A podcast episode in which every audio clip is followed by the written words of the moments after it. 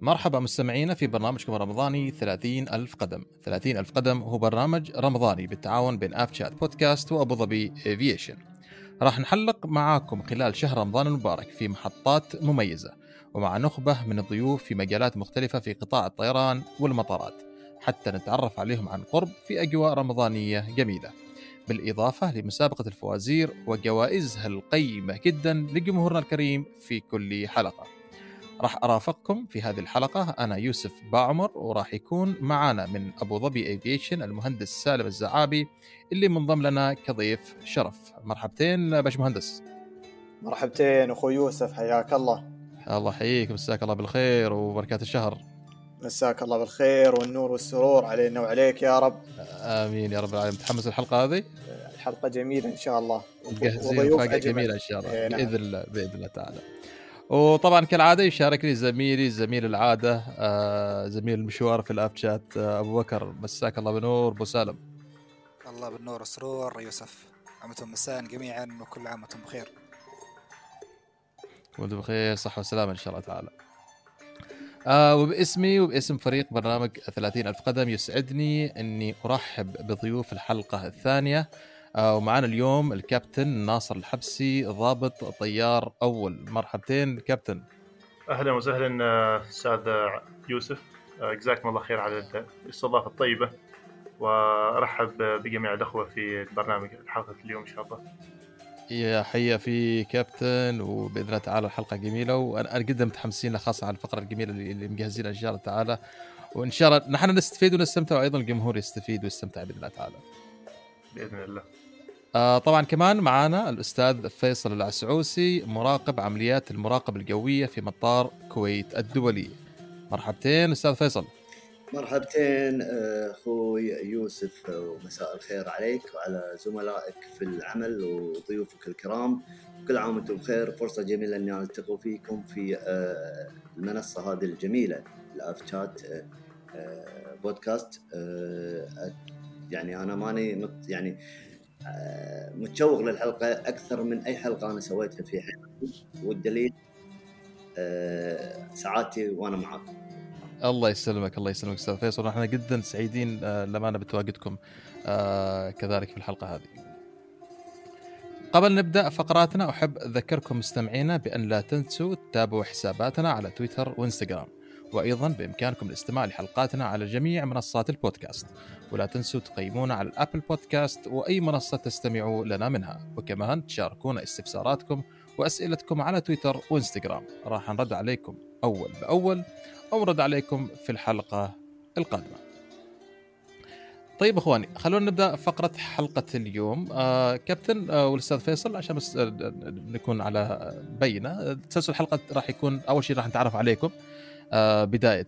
آه آه يعني نتعرف عليكم ك ك ك كأشخاص بعيدين عن عن عن أعمالكم أو مسمياتكم المهنية. أو مثل ما كيف وصلتوا إلى ما وصلتوا إليه آه، في العمل. ونتعرف على نتعرف على بيئة العمل عندكم. آه، ومن ثم راح ندخل إن شاء الله في المرحلة الجاية اللي هي نتعرف على آه، عندنا بعض الأسئلة والاستفسارات اللي, اللي في البال.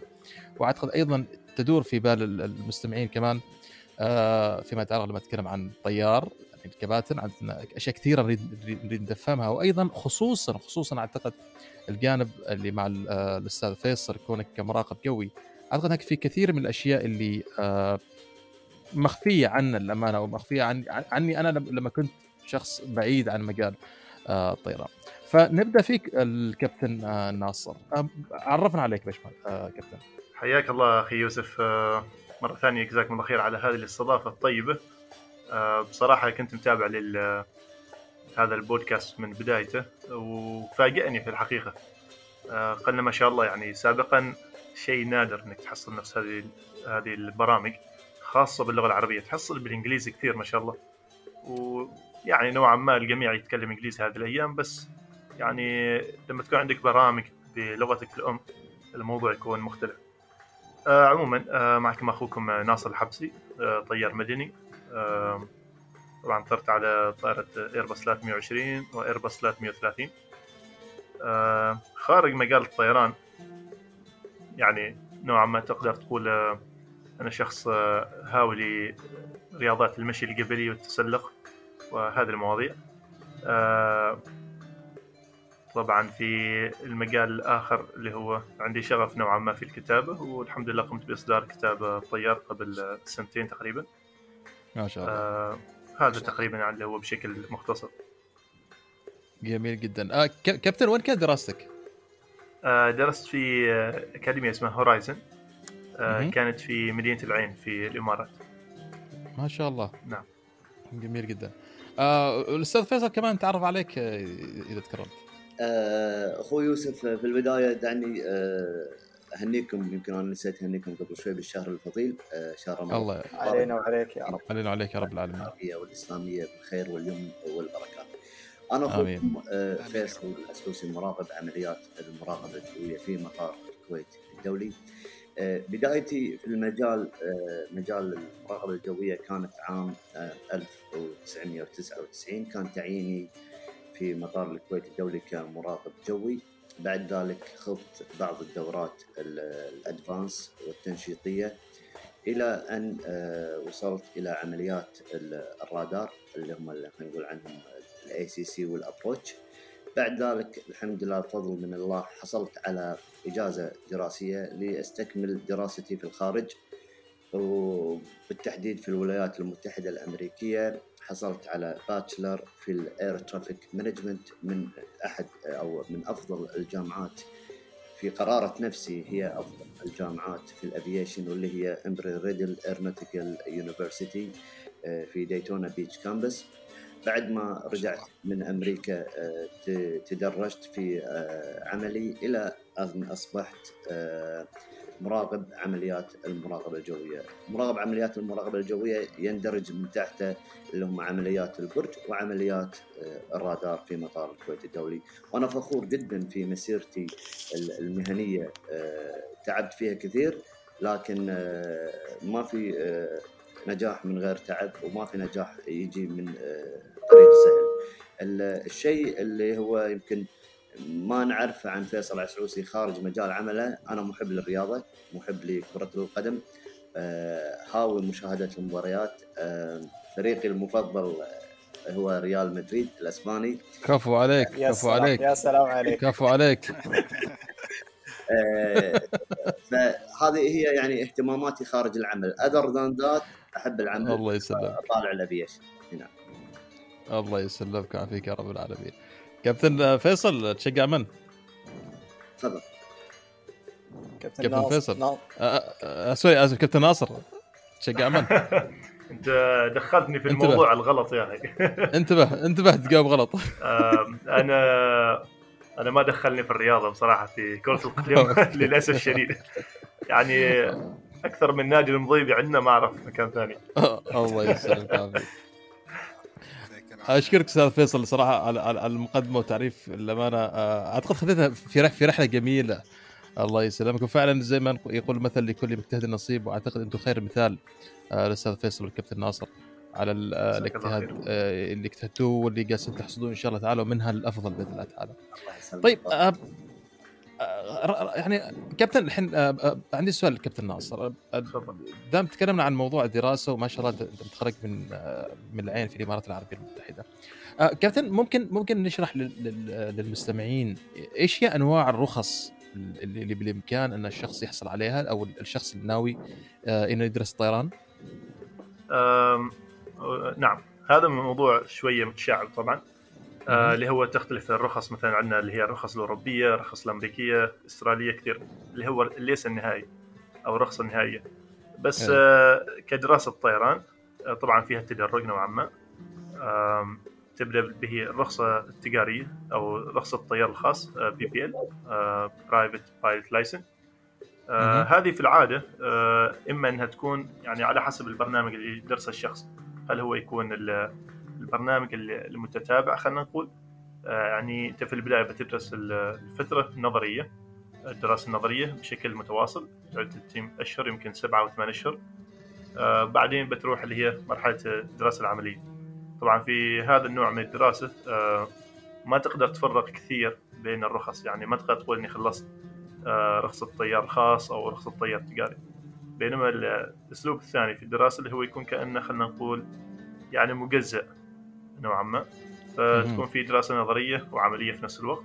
آه، في هذا النوع من الدراسة اللي هو المودلر يسميه modular آه، تقدر يعني تعرف الفروق عموما فهي بشكل أساسي عندك رخصة طيار الخاص PPL.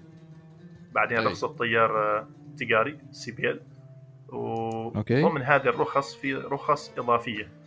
آه، يعني تفتح لك أبواب إضافية في في الطيران. مثلا تقدر تطير بالمعدات لأن في البداية آه، أنت تطير فقط بشكل نظري لازم تشوف الخارج ففي هذه الحالة لازم الجو يكون صحو ما يكون فيه مهم. سحب وهذه الأشياء فعلى. أساس إنك تطير باعتماد آه، باستخدام الأجهزة فقط الشاشات و- وأجهزة الرادار وكذا فلازم تعمل اللي هي instrument rating مهم.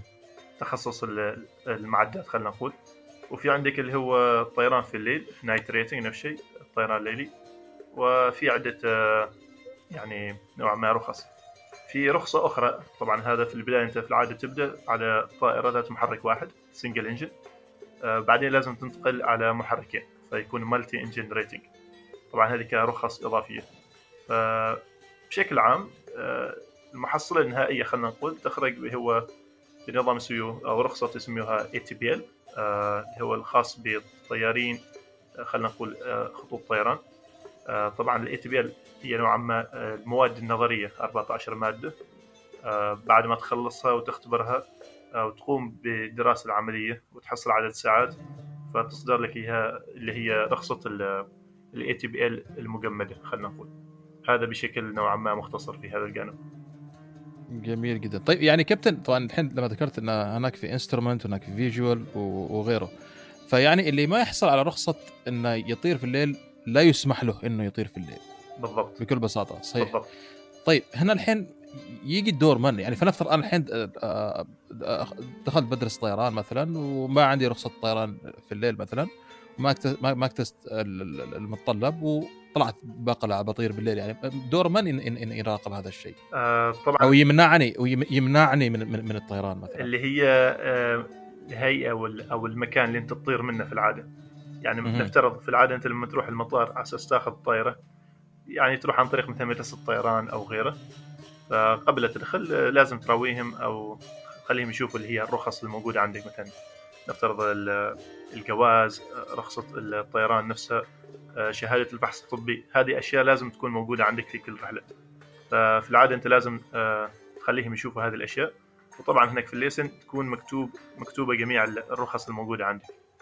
فإذا. سبحان الله انت طرت وما عندك هذه الصلاحيات فطبعا مهم. بتكون تحت المساءله القانونية ممتاز. موضوع الرخص ممتاز. موضوع معقد جدا يعني خاصة في الطيران عندنا مواضيع الرخص هذه بشكل كبير عند الطيار آه، في رخص وعند مهندس الطيران في رخص ويعطيك العافية كابتن ناصر يعني شرحت لي موضوع يعافيك. الرخص بطريقة جدا جدا مبسطة الحين لو بننتقل يعني نحن نعرف إن الطيار عنده رخص والمهندس أيضا عنده رخص.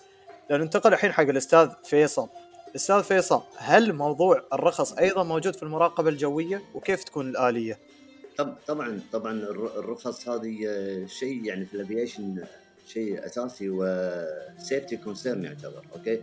ال- الرخصة رخصة المراقب الجوي لها requirement أتوقع نفس الحال مع الطيارين. هي مو بس رخصة وخلاص الرخصه فيها أجزاء داخلها فيها ال medical فيها ال proficiency check وفيها ال language. أتكلم فيما يخص المراقب الجوي.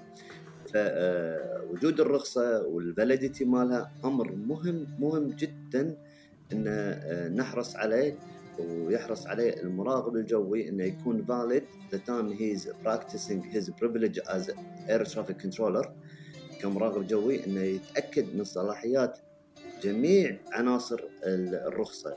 اللي أعيدها لك مرة ثانية اللي هي اللغة ال medical وأيضا ال proficiency check اللي هو ال- ال- الأداء الفني للمراقب الجوي فيما يخص الوحدة اللي هو أو ال type rating ماله.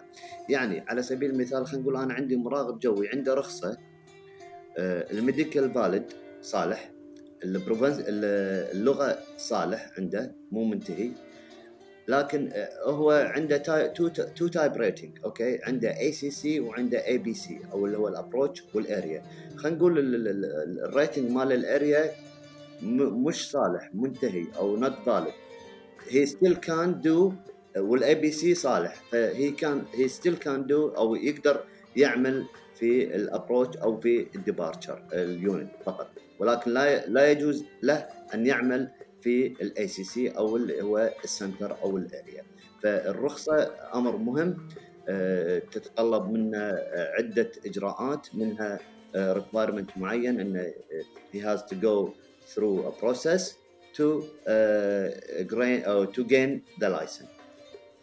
صحيح جميل جدا طيب طيب. آه، أستاذ فيصل آه، آه، يعني آه، شيء بشيء يذكر أنت الحين ذكرت إن هناك آه، في departure في arrival واشياء زي هذه ممكن تشرح لنا آه، أستاذ فيصل آه، الفئات المراقبين الجويين وال- والملاحه اللي تكون موجوده بالعاده ك standard آه، في المطارات آه، اذا okay في ال- ال- ال standard أو الدارج الدارج طبعا عندنا ال ACC اللي هو ال area هني نتكلم على ال- ال- ال- الارتفاعات ال- ال- المراقب الجوي في ال area يكون مسؤول عن حركة الطائرات على ارتفاعات عالية جدا يكون مسؤول عن آه أنا راح أخذ الهرم من فوق إلى تحت okay فيكون مسؤول يكون مسؤول عن الطيارات اللي هي على ارتفاعات عالية جدا يكون مسؤول. عن الطائرات أو الرحلات العابرة للأجواء وأيضا يكون تنسيقه مع آه، الوحدة اللي تليه اللي هي ال departure وال arrival we can mix departure and arrival in one unit. Some يعني بعض ال بعض ال بعض الدول they separate them. Departure بروح وال arrival بروح. بعد ال departure وال arrival هي عندي ال aerodrome أو المطار ال unit aerodrome unit ال aerodrome unit هم تنقسم آه، في بعض الدول إلى قسمين tower و ground control ground صحيح أو صحيح. أو aerodrome control okay. ولكن بعض الدول they mix them in one unit. okay؟ تشوف إن هي في one unit لكن الغالب الغالب آه، أخوي يوسف آه، they separate them tower and ground control أو اللي هو برج المراقبة الأرضية بما يعني طيب هل التصنيف أستاذ فيصل آه، أعتقد يكون على حسب الارتفاع إذا ما خاب ظني صحيح؟ طبعا. يعني من ارتفاع معين يتحول إلى كذا ومن ارتفاع معين يتحول إلى كذا هذا راح يكون راح يكون طبعا في تقسيم داخلي في الدولة. أها. طبعا. ما هو standard ما إيه. هو standard عالمي. لا لا مو standard عالمي. يعني آه، أوكي. ممكن ال departure عنده ال departure he he he he own only to 5000 feet في some countries okay. آه، في الكويت عندي ال departure لغاية 150 حلو. مثلا أوكي. Uh, above flight level 160 he should he, he should the flight should be transferred to area. أو. طيب. إذا تسمح لي أستاذ فيصل كمان كابتن آه، ناصر إحنا جاتنا بعض الملاحظات إنها في الحلقة الماضية. طبعا إحنا بحكم إننا موجودين في في مجال الطيران أحيانا نتكلم باللغة الإنجليزية ونستعمل مصطلحات بحكم اننا متعودين عليها يعني. لكن أيضا عندنا بعض الم- ال- ال- المستمعين طلبوا إن آه، اذا إذا ذكرنا شيء بالإنجليزي نحاول نشرحه بالعربي حتى يكون هناك فهم نعم. آه، من الجميع. فإذا تكرمت أستاذ فيصل بس نشرح ال- ال flight level 150 160 أيضا للمستمعين. فيما ذكرته بخصوص flight level 150 و flight level 160 ال departure معروف. الطائرات المغادرة عندي مثلا في مطار الكويت على سبيل المثال وليس الحصر طبعا. في مطار الكويت الطائرة من تطلع تقلع ترتفع إلى 15000 قدم يكون مسؤول عنها ال unit المغاد unit اسمه unit ال departure اللي هي المغادرة مثلا أو ال approach مهم. أو ال- الاقتراب. إحنا في الكويت we mix them ندمجهم مع بعض ال departure وال arrival تحت وحدة واحدة نسميها وحدة الاقتراب اللي هي ال approach approach area أيوه يصعد لغاية 15000 قدم. بعد ال 15000 قدم تطلع من سيطرة الاقتراب من سيطرة وحدة الاقتراب وتصبح الطائرة في سيطرة وحدة المنطقة اللي هي ال area اللي هي من 16000 قدم وما فوق. بالضبط. هذا اللي حصل معنا أستاذ فيصل في عمان نفس الطريقة. من 150 خلاص ينتقل إلى ال area direct ممتاز. آه، أستاذ فيصل بس أول حاجة يعني معلومات جدا مثرية ما شاء الله ونيرة جزاك الله خير. و قبل قبل بداية الكلام أنت ذكرت إنه أي أي يعني أي controller لازم يكون عنده اللي هو ال proficiency test وال language وال license وذكرت أنت في تعريفك البداية إنه ما شاء الله أنت شخص يعني تعتبر إنك أكاديمي يعني درست درست المهنة يعني من جانب أكاديمي. هل هذا يعطي privilege أو أو أو ميزة للشخص إنه إذا كان شغال في في قسم ال ATC أو قسم المراقبة الجوية يحتم عليه إنه يكون يعني خريج شهادة أو يعني أكاديمي أكثر من إنه يكون عنده license وانتهى الموضوع خلاص آه، يعني هل آه، هل في هل في هل في احتراف هل في احترافية أكثر من إنه يكون عنده لايسنس وخلاص وانتهت ولا آه. إنه الشهادة الأكاديمية ممكن تضيف له طبعا آه، أبو أخوي أبو بكر أشكرك جزيل الشكر على السؤال الممتاز والرائع هذا اللي أنا اللي أنا أحب ان أنا أنسأل فيه لأنه فعلا مهم. آه، كلنا نعرف إن إذا أنت بتصير طيار أو إذا بتصير مراقب جوي ما لا حاجة للشهادة الجامعية لا حاجة لا حاجة لشهادة دبلوم. الموضوع يتعلق في license في رخص okay؟ كما هو الحال في أوروبا كما هو الحال في الأمريكتين كما هو الحال في أي آه، منطقة في العالم. ولكن أثبتت الدراسات إن الأكاديمي سواء كان طيار أو مراقب جوي آه، ال quality مالته تكون عالية جدا.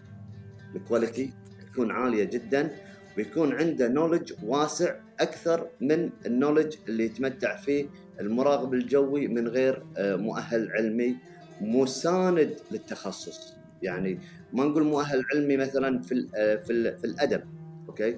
أنا يمكن ذكرت إن أنا تخرجت من جامعة امبري ريدل امبري ريدل عندها احترافية. آه، عند آه، امبري ريدل عندها آه، مؤهلات أو آه، تخصصات آه، بكالوريوس على مستوى عالي ومتنوع في ال aviation من ضمنهم ال air traffic management. عندهم ال aeronautical science اللي يخرجك بكالوريوس aeronautical science مع license ما شاء الله.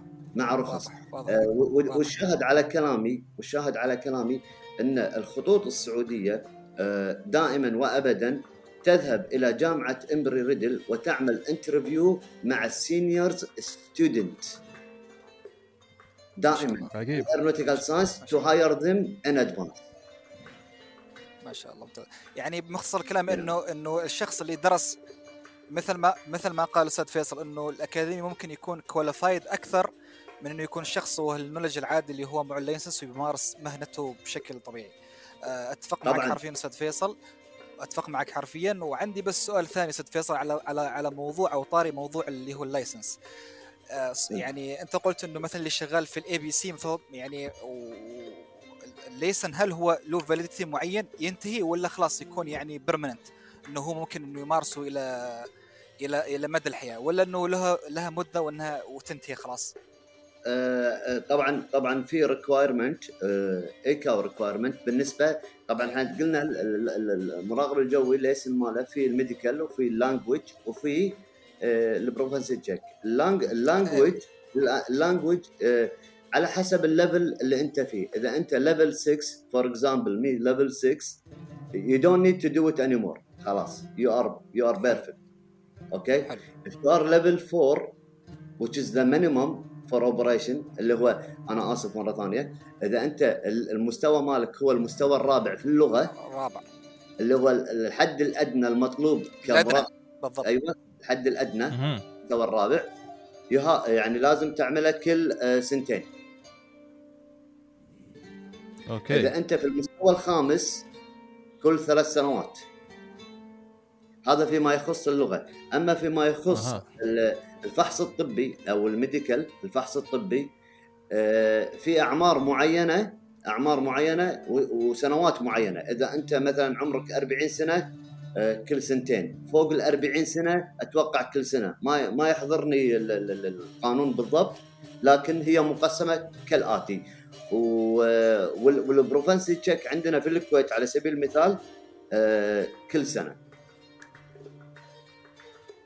ممتاز ممتاز. واضح جدا أستاذ فيصل. آه طيب السؤال الاخير إذا صار في emergency وصار مثلا عندك في lack of lack of resource يعني مثلا ما في مثلا موظفين أو ما في كذا الشخص مثلا اللي ما عنده license في ال APC لكن هو ممتهن لهذا الشيء بس مثلا ال license ماله انتهى هل ممكن يعمل recovery مثلا في في قسم ثاني في مثلا في ال في ال approach أو في ال ground أو العكس صحيح؟ ولا يعني لا. strictly ممنوع يعني؟ violation this is يعني هذه مخالفة جسيمة تعتبر. خلاص واضح واضح. مخالفة جسيمة لأن أنت كلامك في البداية آه، آه، قلت إذا ما في آه، staff صح؟ اي بالضبط بالضبط. شو اللي شو اللي وصلني؟ إنه يوصلني ما يخ... يعني ما هي الحالة اللي أدت فيني إن أنا أوصل حق مرحلة إن أنا ما عندي staff اي يعني خلاص تكون planned من قبل إنه ما توصل لهذا المرحلة بحيث إنه كل شخص محترف في مكانه ويؤدي مهام عمله بأكمل وجه لأن لأن أعطيك أبو بكر على سبيل المثال إذا أنا يمكن آسف على الاستطالة في ال- في النقطة هذه لكن آه، لنفرض جدلا ان إن الشخص اللي قاعد يشتغل في المنطقة أو في الوحدة هذه يحاول يساعد لكن الليسن ماله منتهي وارتكب خطأ أدى إلى كارثة إي. ففي التحقيق. راح يقول راح يشوفون إن الليسن ماله منتهي كيف اشتغل منتهي بالضبط بالضبط. واضح واضح أستاذ فيصل. ومشكور بيحط على نفسه في مشكلة. أكبر. طبعا بالضبط طبعا. بالضبط. واضح واضح واضح. والله أستاذ فيصل صراحة أت- أتمنى الموضوع ما يتوقف. صراحة أستاذ ما شاء الله. أستاذ فيصل خلانا في بحر. بحر, ما, ودنا ننتهي شاء الله. منه ما شاء الله. يا الله يعافيك. آه طيب سالم عندك شيء سؤال عن الاستاذ فيصل ولا ولا أحول آه إلى إلى كابتن ناصر؟ آه لا ما عندي أي سؤال. طيب آه كابتن ناصر. تفضل. آه حاليا الحين في الجائحة صار حوالي سنة آه أغلب شركات الطيران اذا مش full grounded almost grounded وزي ما ذكرت في بداية حديثك تكلمنا عن الرخص آه رخص الطيارين. طيب خلال الحين الفترة هذه السنة آه، كيف كيف تحافظوا على على على صلاحية الرخصة؟ طبعا هذا الموضوع يعني يمكن سبحان الله من المواضيع اللي تكون أتوقع أنها تكون مخسر الشركات. مع أن الشركة يمكن ما ما تشتغل بالطاقة الاستيعابيه الكبيرة بس في نفس الوقت آه، لازم تحافظ على هذه الرخص آه، إحنا في مجال الطيران آه، كطيارين. طبعا أنت عندك آه، كل ست أشهر آه، لازم تعمل اللي هو كانه آه، ما أعرف إيش اسمها دورة آه، إنعاشية. إنزين. كل ست شهور تروح إلى المحاكي الطيران آه، تعمل بعض الاختبارات بعض ال- الأشياء على أساس يتحققوا من آه، إنك أنت شخص يعني ما زلت متبع للقوانين والاجراءات الدولية في هذا الجانب فتخيل أنت كل ست شهور تروح زين كطيار كل ثلاث أشهر أو خلينا نقول بشكل دقيق كل 90 يوم لازم. تقوم بثلاث عمليات إقلاع وثلاث عمليات هبوط. إذا ما قمت بهذه الحركة خلال 90 يوم فمعناتك لازم تروح إلى المحاكي فالحين شركة الطيران لازم تضمن يعني كل ثلاث شهور أو 90 يوم جميع الطيارين آه ما أعرف يعطوهم رحلة أو شيء من هذا القبيل إذا ما أعطيهم بيضطروا يأخذوهم إلى المحاكي فهذه تكاليف إضافية للأسف آه تقع في في, في عاتقهم يعني. آه كابتن إيش الأرخص على على الشركة؟ إن إن تخليك تطير ثلاث مرات مثلا آه ولا ولا آه تأخذك إلى ال simulator؟ أتوقع إنها تخليك تطير. يعني أوكي. لو كانت الشركة عندها مثلا نظام محدد فهم. وش بيسويوا بيحاولوا يقسموا جداول الطيارين بحيث إن كل شخص على الأقل مثلا يطير مرة في الشهر أو آه، كل شهر لمدة مثلا ثلاث أشهر إذا كان طبعا اللي هي عدد الرحلات قليلة جدا في هذه الحالة صحيح. آه، لأن أنت لما تطير هم يستغلوك أو خلينا نقول يعني أنت الحين في في مهمة عمل ومن عن طريق هذه الرحلة يحققوا أرباح نوعا ما بس آه، لما تكون في الأرض وتروح إلى المحاكي طبعا المحاكي في العادة يكون أصلا مزحوم من البداية للناس اللي هم يقوموا بتجديد آه، رخصهم آه، كل ست أشهر في هذه الدورات الانعاشية خلينا نقول. آه، فإذا ضفت عليها الدورات اللي هي عمليات الإقلاع والهبوط على أساس يخلوا الطيارين جاهزين في أي لحظة يحتاجوهم فهذا نوعا ما يسبب يعني بلبلة في في في جانب التدريب في الشركة. كذلك تكاليف الصيانة للمحاكي وأشياء كثيرة متابعتها الضغط الضغط على الطيارين المدربين أو الكباتن المدربين في العادة. ف. يعني الموضوع شوية جدا آه، معقد في هذا الجانب. آه أنا بس آه الكلام جدا جميل اللي قاله كابتن ناصر. أحب أضيف عليه نفس الحالة تطبق على المراقبين الجويين سواء في عندنا في دولة أو في أي دولة ثانية. المراقب الجوي يعتبر يعني. أنا اعطي مثال حق الم- المستمع. نفس حاله حال مثلا آه، لاعب كرة القدم على سبيل المثال. إذا أنت ما لعبت مباريات على است... باستمرار راح يفقد حساسية الكرة. هذا اللي صار معانا في الجائحة. إحنا ما عندنا حركة طيران كثيفه أو بال بال بال بال بالأصح آه، آه، انخفضت يعني صارت جدا خجولة في. المجال الجوي. فالمراقب الجوي يفقد ال- الحس في التعامل مع الطائرات في تطبيق مهاراته في ال- ال- ال- المحادثه يفقدها. فعلى لذلك هم إحنا سوينا مثلا أن آه، دخلناهم في آه، جهاز المحاكاة واعطيناهم آه، تمارين علشان نحافظ على أهليتهم. جميل جدا. طيب أستاذ فيصل أنت الحين ذكرت بعض الأشياء اللي أنا لما أريد أرجع لك إياها نوعا ما بإسهاب. وأعتقد هالشيء راح يكون مرتبط أيضا آه، مع آه، الكابتن آه، ناصر. طيب أستاذ أستاذ فيصل الحين السؤال اللي في بالي الحدود القوية يعني في بعض الخرائط نشوفها نحن طبعا الحدود القوية ما هي دائما مشابهة للحدود البرية في هناك اختلاف.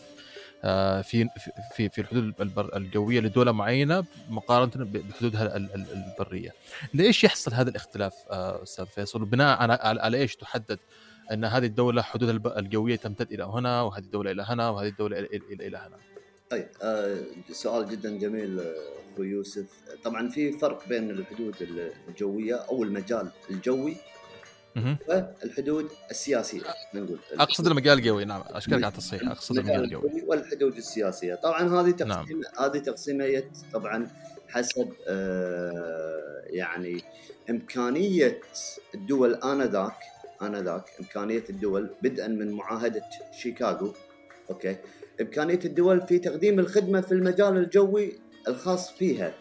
وفي بعض الدول عندها إمكانية كانت في السابق إنها تقدم خدمة مجال جوي أكبر من حدودها السياسية فتم. منحها ال- المجال الجوي أكبر من حدودها السياسية لكن للأمانة آه، آه، يعني آه، ايديولوجيه أو آه، ميكانيزم أو آلية معينة في الموضوع هذا ما يحضرني بس يعني سؤال وايد حلو يخليني أبحث أكثر في الموضوع هذا يعطيك الف عافية. آه في سؤال عندي آه نغير طريقة حوار الموضوع شوية ونجمع كابتن ناصر مع كابتن مع أستاذ فيصل. نجمعكم كلكم الحين على على مثل ما يقولون على بساط واحد. على مائدة الطعام. أيوه بالضبط. زين وبنتكلم الحين عن الانسجام اللي يصير بين المراقب والطيار. وطبعا حتى نحن في مجال هندسة الطيران عندنا شوية connection مع المراقبين يوم نتحرك آه، من وإلى في المطار آه، من ال stand to ال hangar أو from hangar to certain point أبغى أعرف أبدأ أول شيء بالاستاذ فيصل. شو التحديات اللي تواجهها مع الطيارين وكيف يكون انسجامكم؟ يعني أنتم في التعامل مع الطيار.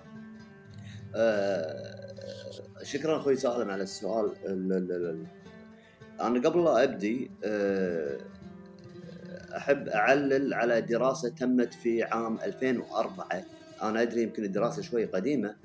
آه، تم عملها عن طريق flight safety organization flight safety organization موجودة في الأونلاين الدراسة هذه. توضح أن علاقة آه، الطيار بالمراقب الجوي أو المراقب الجوي مع الطيار كلما كانت في انسجام كلما قلت الحوادث وزادت نسبة السلامة. بمعنى بمعنى أن العلاقة آه، إذا إذا الطيار عرف آه، شغل المراقب الجوي والمراقب الجوي عنده خلفية عن عمل الطيار راح تقل ال- ال- ال- المشاكل راح تقل الحوادث وأيضا راح تزيد فبالتالي فبالتالي راح تزيد حواد آه، تزيد السلامة عندي معدل السلامة راح يرتفع معدل ال incidents safety incident أو safety occurrence راح يقل. فبالتالي العلاقة جدا مهمة.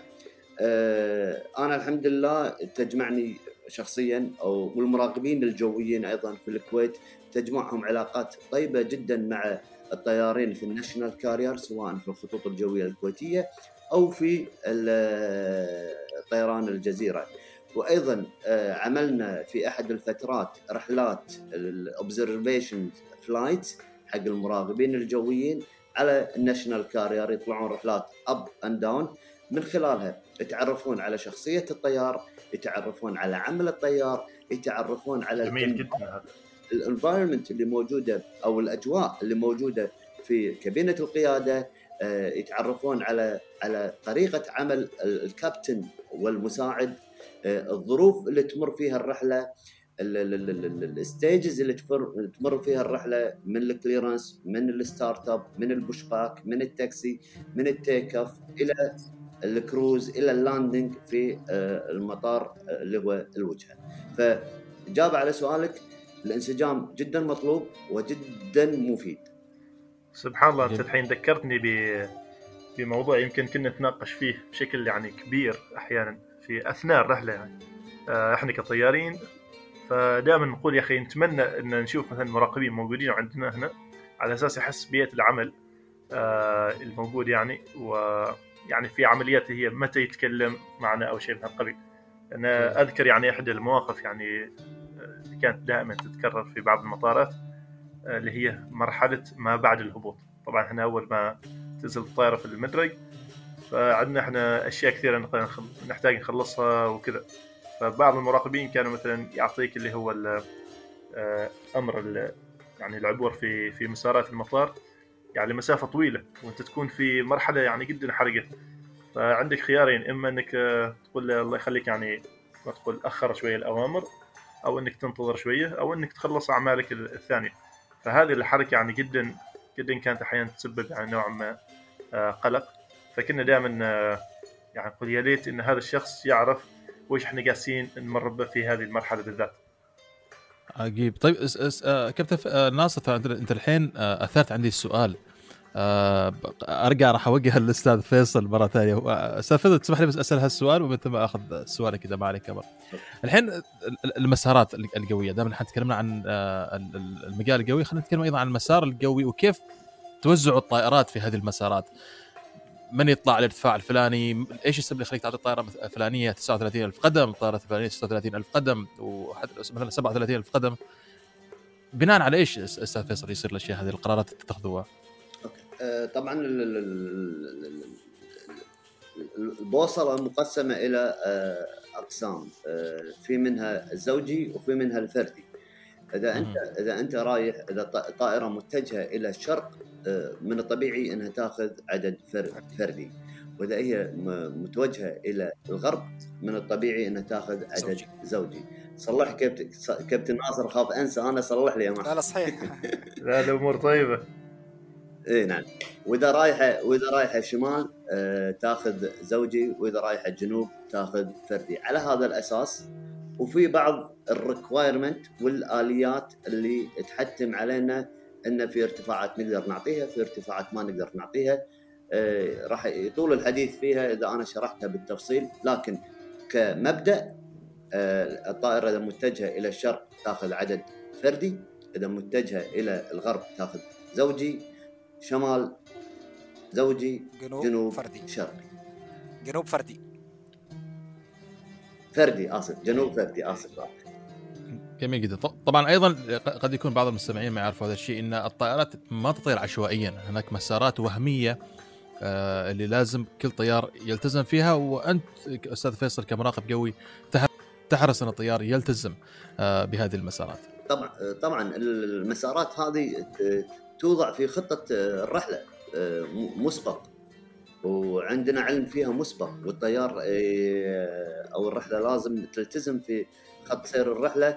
كما هو موضح كما هو موضح في خط سير الرحلة. مم. صحيح. أستاذ فيصل الميكانيزم ال mechanism اللي أنت ذكرته الحين قبل شوية اللي هو توزيع البوصلة اللي هو يعني رحلة إذا متجهة إلى شرق تأخذ ارتفاع آه، فردي وإذا غرب آه، زوجي وإذا شمال زوجي وإذا جنوب آه، فردي.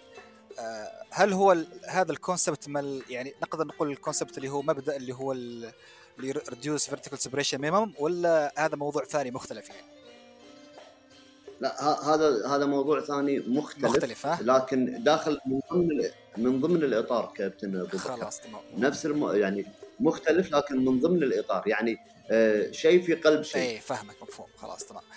آه كابتن فيصل وكابتن ناصر أتوقع أنتم على موضوع الانسجام أنا عندي نقطة ما أعرف إذا توافقون فيها ولا لا. أتوقع من أكثر ال- بحكم إني أنا بحكم عملي بشوف ال- المحادثات اللي تصير بين ال- ال- ال- التاور وبين الطيار أنا أتكلم على على ال departure unit أو ال ground unit آه إنه أصعب تحدي إنه هو يعني الطيار يريد آه، runway معين وال tower يعطي runway ثاني. فأتوقع هذه دائما يكون في إشكالية دائما تكون في إشكالية في هذه النقطة. تتفقون معي ولا هي بالنسبة لنا يعني كطيارين كيف أقول لك؟ يعني ت- تريد هذاك ال- المدرج على أساس إنه في العادة إنه يكون أسهل لك أو أوفر من ناحية الوقود. أو يقص يقلل هي عمليه أو مدة الرحلة خلينا نقول بس في النهاية نفس الشيء الرياح أي بال- يعني تلقى. الرياح بمالة الشيء السفن أحيانا بالضبط أت- أنا أتفق وياك في بعض دائما دائما الطيار يحاول دائما يحاول إنه ي- ي- ي- يوفر من وقت الرحلة يختصر من وقت الرحلة بالإضافة إلى انه أكيد 100% ال safety عنده number 1 concern.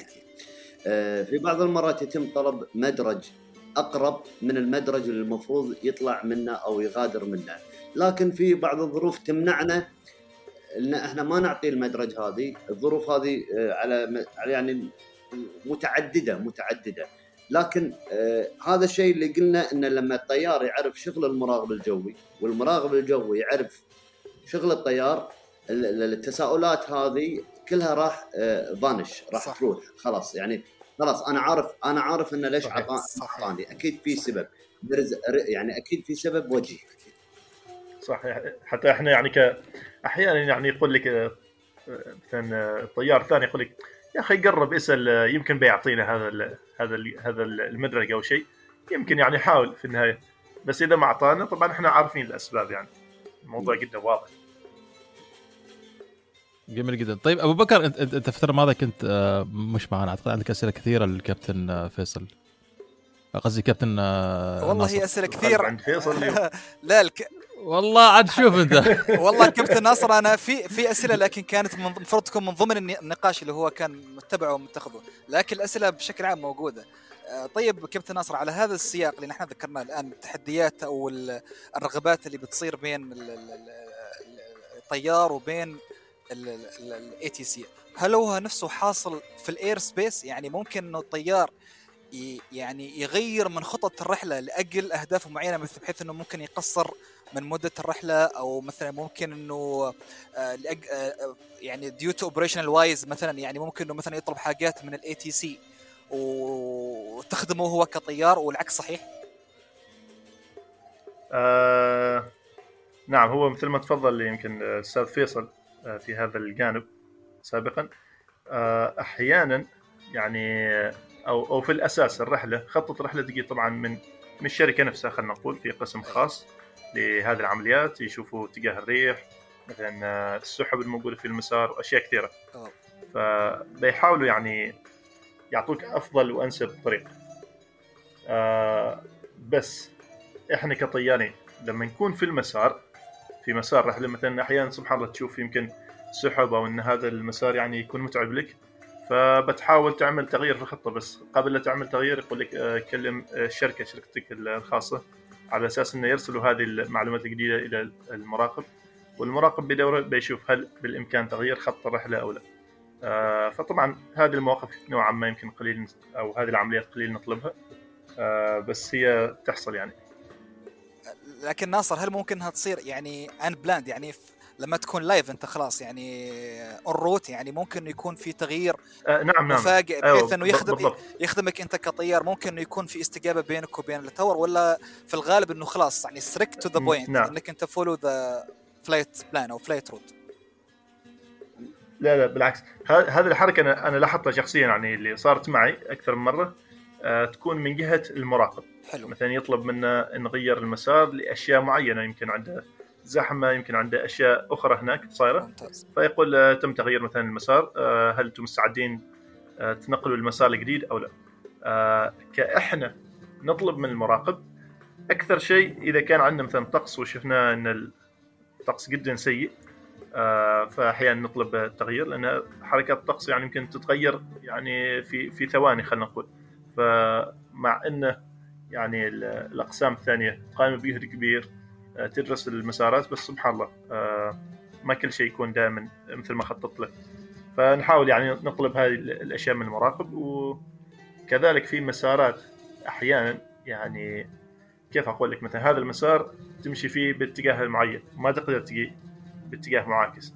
فلو كان أقرب مسار من هذا النوع منه فأكيد المراقب ما ما, ما راح يسمح به- بهذه العملية. بس يمكن بياخذنا مسار آخر أو نطلب اللي هي التغييرات المؤقتة.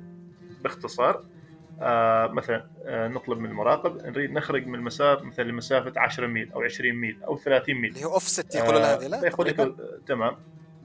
بالضبط. اوفست اي بالضبط. فأنت تخرج من المسار لمسافة معينة على أساس إنك تتجنب مثلا سحب أو شيء معين أو إن أحيانا آه، تطلب اللي هي المسار المباشر من نقطة إلى نقطة يمكن يعمل لك اختصار معين. يوفر عليك الوقت وال- والوقود وأشياء كثيرة. فأحيانا يعني تصير هذه الأشياء بشكل كبير في في الرحلات واضح واضح جميل جدا. تفضل أستاذ فيصل. آه، بس أنا أضيف على الكابتن ناصر آه، كلامه صحيح 100% آه، على سبيل اذا إذا الوقت يسعفني إن أنا أعطي مثال دائما يحصل معانا في المراقبة الجوية على تغيير خط الرحلة أو تغيير أمور في الرحلة. يأتي بعض تأتي بعض الرحلات تطلب أن تغير ارتفاعها من مثلا 34 ألف قدم إلى 36 ألف قدم. في في في وسط الرح في في في في في أثناء الرحلة وهو مثلا على 34 قدم يبي يرتفع إلى 36 قدم لوجود. مطبات هوائية على 34 قدم 34 ألف قدم في مطبات هوائية مزعجة للركاب يطلب الطيار انه يرتفع إلى 36 ألف قدم أنا هني عندي عوامل عديدة لازم احطها في الحسبان ال- ال- ال- هل هناك طائرة وراه أو امامه بنفس الارتفاع اللي هو طالبه والمسافة تسمح ولا لا تسمح؟ إذا إذا هناك طائرة امامه نفس الارتفاع اللي هو طالبه 36 ألف قدم لكن المسافة بينهم لا تسمح لا ترتقي إلى المسافة المطلوبة أصبح أنا ما أقدر أعطي 36 ألف قدم. أقول له مثلا على يعني على سبيل المثال أقول له sorry flight level 360 not available واضح. due to بسبب ممكن أذكر له السبب. فقط هذه الإضافة اللي جميل جدا. تسلم تسلم الأستاذ فيصل. تحص... آه، تفضل آه، باشمهندس سالم. يعطيك العافية يا أستاذ فيصل ويا كابتن ناصر على هالإضافات. أنا بدخل في محور ثاني آه، من ضمن المحاور اللي حاطينها في البرنامج. تكلمنا نحن عن الانسجام اللي يصير بين الطيارين والمهندسين. وطبعا لازم نزيد دائما عارف ان عالم الطيران. يعلمنا دروس من الحوادث اللي قاعدة تصير والأمور اللي يمكن خلينا نقول جوز رونج في عالم الطيران. ولازم نذكر بعض ال- الأمور اللي صارت أو الحوادث اللي صارت بين المراقب والطيار. وشهدنا حوادث كبيرة مثل حوادث آه، أوبرلينجن mid-air collision سنه 2002 وحادثة آه، آه، الطيران السعودي الطيران الكازاخستاني اللي صارت آه، آه، وغيرها من هالحوادث. آه، أستاذ فيصل إذا بتكلم مثلا عن حادثة آه، أوبرلينجن اللي صارت في 2002 آه، كيف في هالطريقة يعني فصارت الحادثة يقدر المراقب يتعامل آه، في هاي الأمور. آه، إذا بس تذكرني بالحادثة ترى أنا وأنا ذاكرهم كلهم. هي تمام إن شاء الله. آه، حادثة أوبرلينجن اللي صارت بين الطيران البشكيري وطيران دي إتش إل. اي اللي نعم كانت آه، بخطأ نعم الطيار موضوع, البشكيري موضوع اللي التيكاس قصدك. أيوه هي نعم. اي صحيح. اي نعم اي نعم اي نعم. طبعا الحادثه هذه آه، كابتن سالم أو مهندس سالم آه، دخلت فيها عوامل عديده ليس الطيار فقط والمراقب الجو دخلت فيها ظروف قبل الحادثه قبل الحادثه ظروف آه، جدا عوامل عديده آه، كما هو معروف في ال- ال- ال- ال aviation اي حادثه في ال aviation لا تاتي من سبب واحد عده اسباب ال cheese ال- ال- ال- ال- ال- ال- ال slide ال slide cheese اللي يسمونها هذه اللي هي مثلثات الجبنة المخرومة اللي هي من عامل إلى عامل إلى عامل إلى عامل وتنتهي آه، لا سمح الله بحادثة. هذا اللي صار في حادثة الدي اتش ال وطيران ال البشكيري. البشكيري. البشكيري أيوة. هذا اللي صار. أيضا أيضا صار في آه، مس يعني في عدم عدم عدم التعامل مع موضوع التيكاس باحترافية كما هو مطلوب. أحد الطيارات أو أحد الطيارين آه، تعامل مع المراقب الجوي مباشرة واتبع تعليماته. أما الطيار الثاني اتبع تعليمات التيكاس وصار عندنا تعارض في المعلومات و conflict أدى إلى الحادثة المذكورة.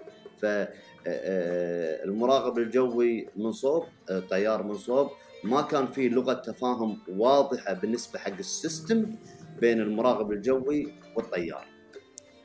جميل جدا. يمكن إذا ممكن أضيف شيء بسيط على هذا الموضوع. آه اللي هي الحادثة بالضبط. طبعا هذه الرحلة كانت نوعا ما مجدولة من على حسب ما أذكر من من روسيا إلى لاحد الدول الأوروبية. آه الإشكالية كانت اللي حصلت في هذيك الليلة. آه كان طبعا في ثلاث طيارين داخل القمرة. آه في الطائرات في عندها نظام اللي هي مانع للصدام خلينا نقول.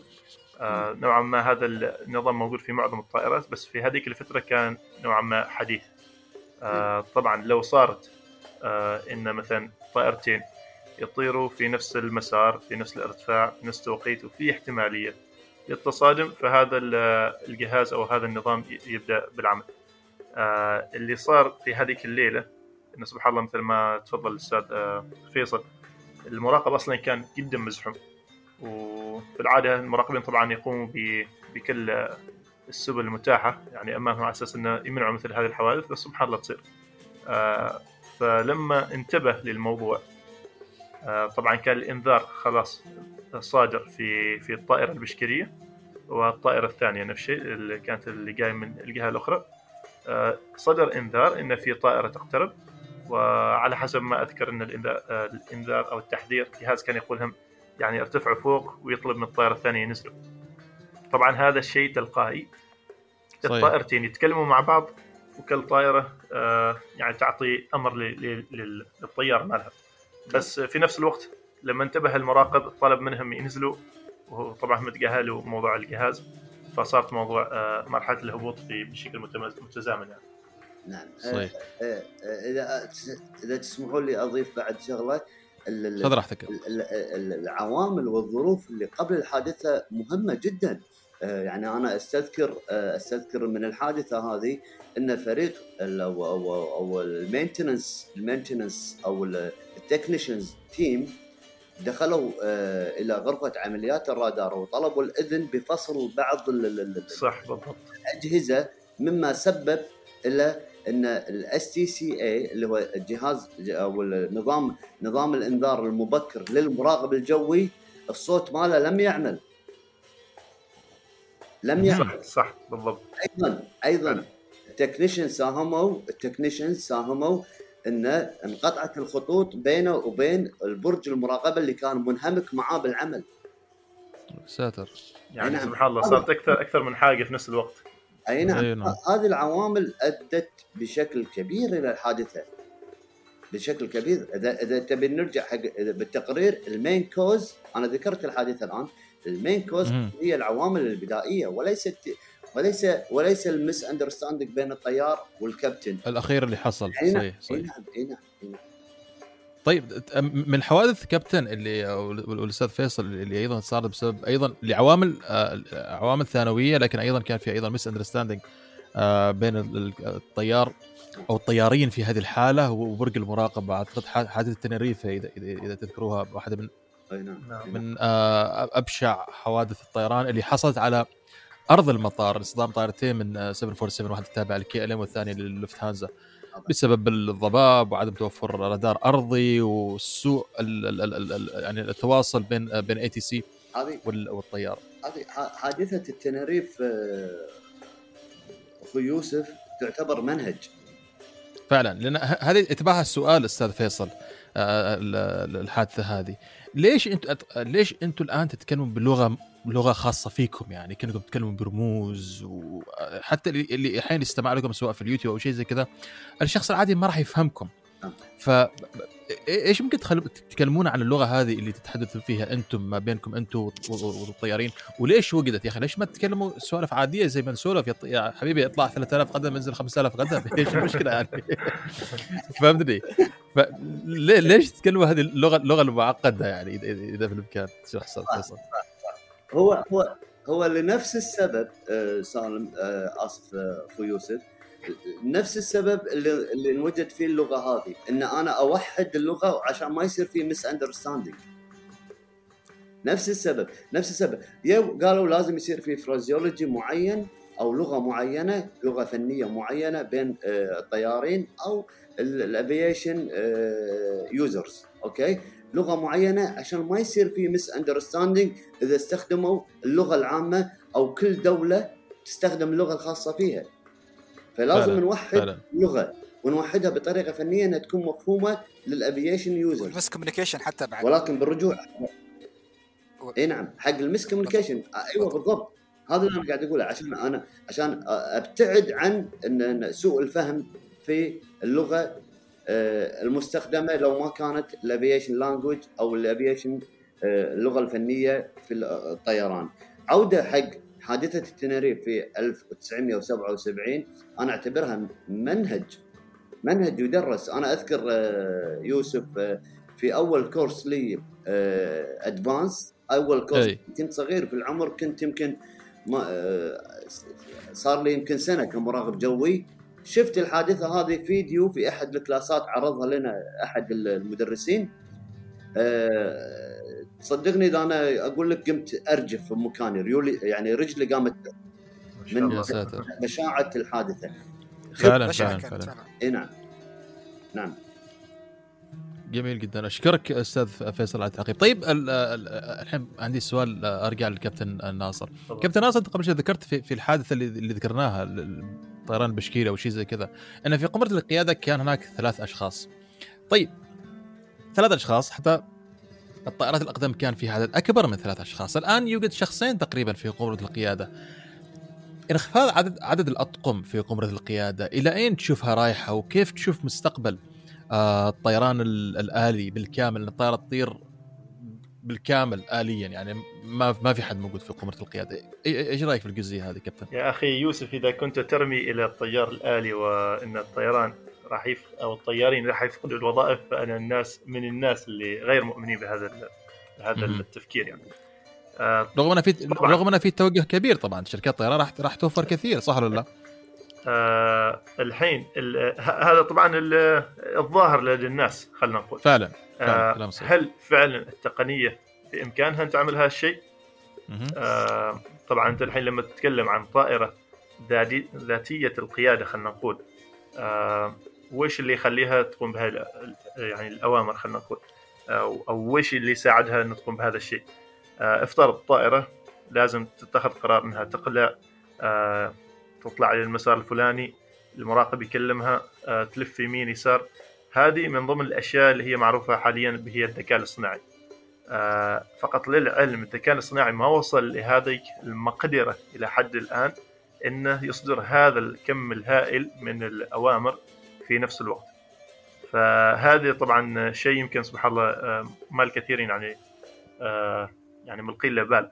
بس أنت إذا حبيت يعني تحط يعني ذكاء اصطناعي بهذه القدرات إن الطائره ذاتية التفكير في كل شيء تقريبا تقوم بآلاف عمليات الحسابية فيمكن تحتاج آه، كمبيوترات ما أعرف كيف كبرها يمكن أكبر من بيتنا.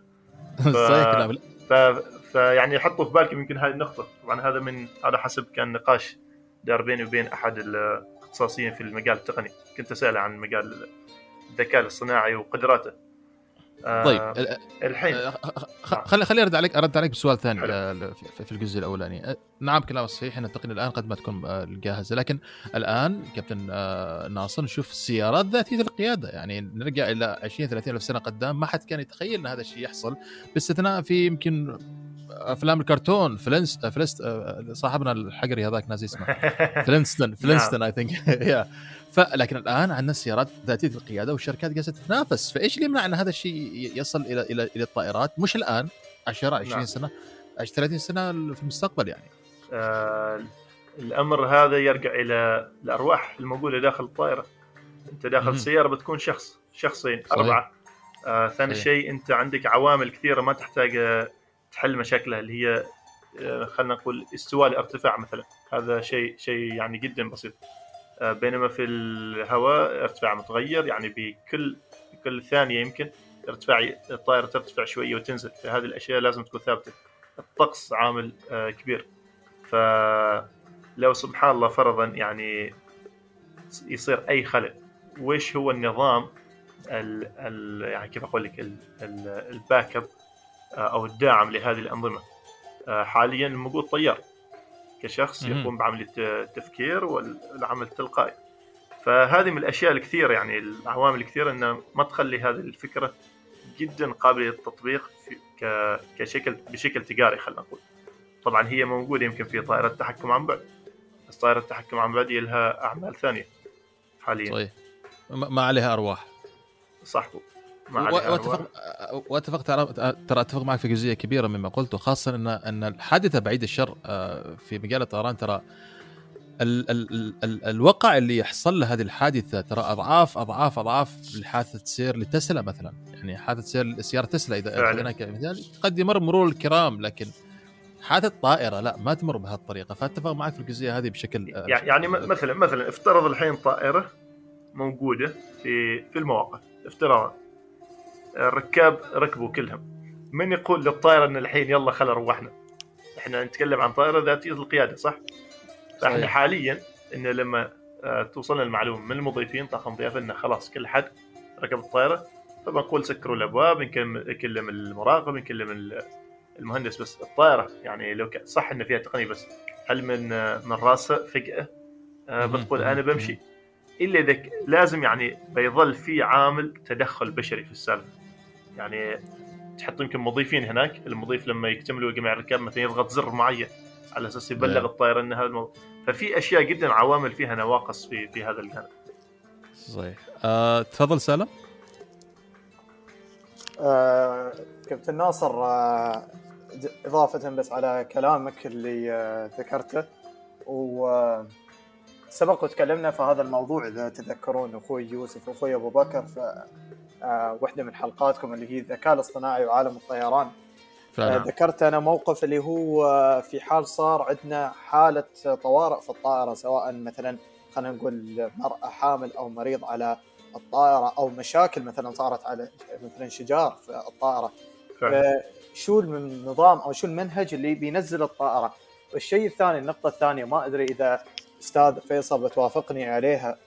الحين لو عندنا طيار آه، يعمل بالذكاء الاصطناعي هل بعد نحتاج مراقب يعمل بالنظام الاصطناعي؟ يعني هل المراقب يقدر يتعامل بعد مع هذا النظام؟ آه، مو- موضوع جدا شيق صراحة وأنا يعني ايد آه، انه إنه صعب الاستغناء عن العامل البشري سواء في الطيارة أو في مجال المراقبة الجوية 200 راكب 150 راكب need to be supervised by someone أوكي؟ خليك من الطيارة. الركاب لازم يكون عند عليهم واحد مسؤول عنهم الركاب. هذا واحد. اثنين آه، الطائرة يا جماعة مو على الأرض. الطائرة على ارتفاع 50 34 41 ألف قدم. لو حصل شيء في الارت... بالطائرة على الارتفاع هذا من المنقذ بعد الله سبحانه وتعالى؟ من المنقذ؟ من من من سوف ي- م- م- من الذي سوف يعرف المشكلة؟ من الذي سوف يعني يتعامل مع الأجهزة؟ من اللي قد يكون في software error أو مشكلة في ال... في أحد الأزرار قد تكون في مشكلة في هذا. فالاستغناء عن عن العامل البشري في الطائرة أو في آه، وحدة المراقبة الجوية أنا أشوفه إلى 40 سنة 50 سنة قدام آه، صعب التنفيذ. يعني شخصيا. شخصيا أشوفه ممكن يتنفذ في حالة حالة واحدة.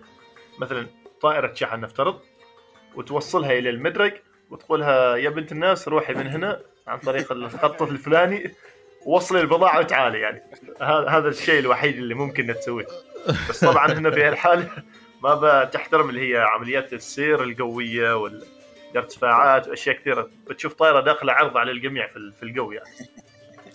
على طار على طاري الطائرات داخل عرض أنا السؤال سبحان الله كان في بالي نسيته الحين الكابتن ناصر ذكرني الأستاذ فيصل هل تواجه أنت الحين كعملك كمراقب جوي طائرات تدخل تدخل في المجال عندك بدون ما تعرف عن نفسها؟ وإذا نعم إيش الاجراء اللي تتخذه معاها آه، في تورطنا؟ يا يوسف. ليش؟ ال- ال- ال- الأمور هذه تصير لكن أي. تصير لأن لأن في ليس كوردينيشن يكون فقط لا أكثر ولا غير. يعني ما في طيارة تمر عليك في المجال الجوي إلا إن في معلومة عنها. ولكن قد لا تأتيك المعلومة في الوقت المناسب أو تأتيك متأخرة.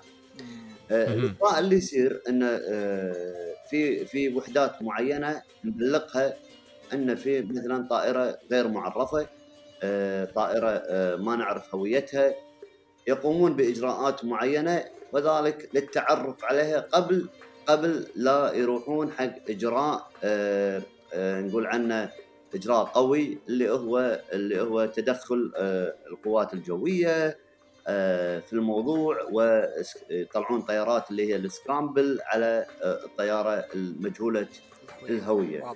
في الشرق الأوسط الأمور هذه ما ما تشوفها كثيرة. أو الإجراءات هذه ما تشوفها كثيرة لكن في الامريكتين آه، بعد 11 سبتمبر كان عندهم جدا إجراءات آه، صارمة وقوية بالنسبة حق الموضوع وا- واضح واضح. جميل جدا آه. تسلم ال- الأستاذ فيصل. تفضل سالم أستاذ فيصل وكابتن ناصر عندي سؤال موجه للاثنين هل يكون في تدريبات مشتركة بين الطيار والمراقب يعني هل يكون مثلا في مرة من المرات الطيار والمراقب يدربون تدريبات مشتركة؟ أو هل مثلا صار لكم أنتم هذا الشيء؟ والله بصراحة أنا شخصيا ما للأسف يعني ما ما ما كان ما صار عندي أي تدريب مشترك. وهذا شيء أتمنى حدوثه. وأنا كمان يعني على حد علمي على حد من علمي أو حسب ال- الوضع الحالي لا ما في أي تدريبات مشتركة بين المراقبين الجويين والطيارين خصوصا في دولة الكويت. لكن أنا آه، آه، اطلعت على كثير من ال- المناهج فيما يخص آه، الكليات والمدارس اللي تعطي دورات مراقبة الجويه تجبر بعض ال- الكليات وال والمدارس والمعاهد إنه يكون في المنهج منهج المراقب الجوي عدد ساعات طيران. جميل جدا. جميل جدا جميل جدا. تشوف لها كابتن فيصل تشوف لها راح يكون لها أثر يعني هذا العدد الساعات المعينة لما تكون مشتركة ومزوجة بين ال- المراقب والطيار. طبعا طبعا نرجع على على نفس الموضوع السابق اللي تكلمنا فيه. بمجرد إن أنت يكون عندك متطلب 50 ساعة طيران سواء كانت observation flights أو آه، رحلة آه، ملاحظة يسمونها أو آه، أو أو انت أو أنت لازم تاخذ البي يعني بعض المناهج يقول لك لازم لازم مراقب الجوي ياخذ ال private license هذا بالنهاية راح تعرف راح تعرف اليه آلية الطيران كيف تصير. الطيارة شلون تطير. واضح واضح جدا. كابتن فيصل؟ آه، الأخ أبو بكر أنت ذكرتني إيه. بحاجة أقطع سالفتك لا لا اسمح لي. آه، طبعا إحنا في الطيران مثل ما خبرتك كل ست أشهر نقوم به آه، دورة إنعاشية خلينا نقول نسميها. آه، ضمن هذه الدورة يكون عندك يوم تقوم بعمليات مثلا يعني نفس الدراسة الأرضية آه، يتم مناقشة اللي هي آخر مستجدات الطيران أي مشاكل أي أشياء مثلا الشركة تحب انها آه، تركز عليها أكثر. في ضمن هذا اليوم في يمكن حوالي مثلا نص ساعة أو ساعة تقريبا يعملوا اللي هو نفس الاجتماع المشترك بيننا وبين المضيفين. فكلنا نجتمع في طاولة واحدة ويعطونا مثلا يعني شيء معين نشتغل فيه بشكل جماعي. واحيانا نناقش اللي هي مثلا إحنا كطيارين مثلا عندنا مثلا مشاكل مثلا أو خلينا نقول أشياء يعني نفضل إنها إن المضيفين يقوموا بها بطريقة مختلفة يعني خلينا خلينا نقول. ف والشباب الثانيين نفس الشيء يعطونا آرائهم وأفكارهم وملاحظاتهم. فهذه العملية البسيطة المشتركة أو الجلسة المشتركة بيننا كطيارين وبين المضيفين يعني أنا شخصيا ألاحظ إنها جدا جدا مفيدة. يعني في أشياء كثيرة سبحان الله تحصل إحنا ما ما فاهمينها من طرفهم أو هم ما فاهمين طرفنا. فأول ما تناقشها طبعا آه، تزيح ال- الغموض وتؤدي إلى يعني عمليات آه، امن بشكل كبير. فتخيل لو هذا موجود نفس الشيء بيننا وبين آه، المراقبين الجويين. أتوقع الأمور بتكون جميل طيبه جدا. هذا يزيد من من من مستوى ال coherence يعني بين المنظومات وبين الأفراد. والنتيجة راح تكون إن شاء الله أكيد أكبر. أكيد. زين كابتن أستاذ فيصل على موضوع ال- اللغات اللي هو ال standard اللي ذكرنا مثال إنه في لغة خاصة بال aviation أو بحيث انه أو يعني نهج معين بحيث إنه يكون اللغة مفهومة ونتفادى اللي هي ال misunderstanding أو miscommunication بين منظومة الطي- الطيارين أو منظومة وبينها بينها وبين منظومة المراقبين. هل في اختلاف في بعض الدول أو الأقاليم في الع... في الأقاليم في العالم غير ال standard اللي نحن متعودين عليه أو اللي أنتم متعودين عليه؟ يعني مثلا آه، في الأمري... في الأمريكيتين أو مثلا في الصين أو مثلا في آسيا، يعني هل في اختلافات minor نقدر نقولها ولا هو في العالم كامل هو لغة واحدة standard واحد sequence واحد؟ سؤال جميل.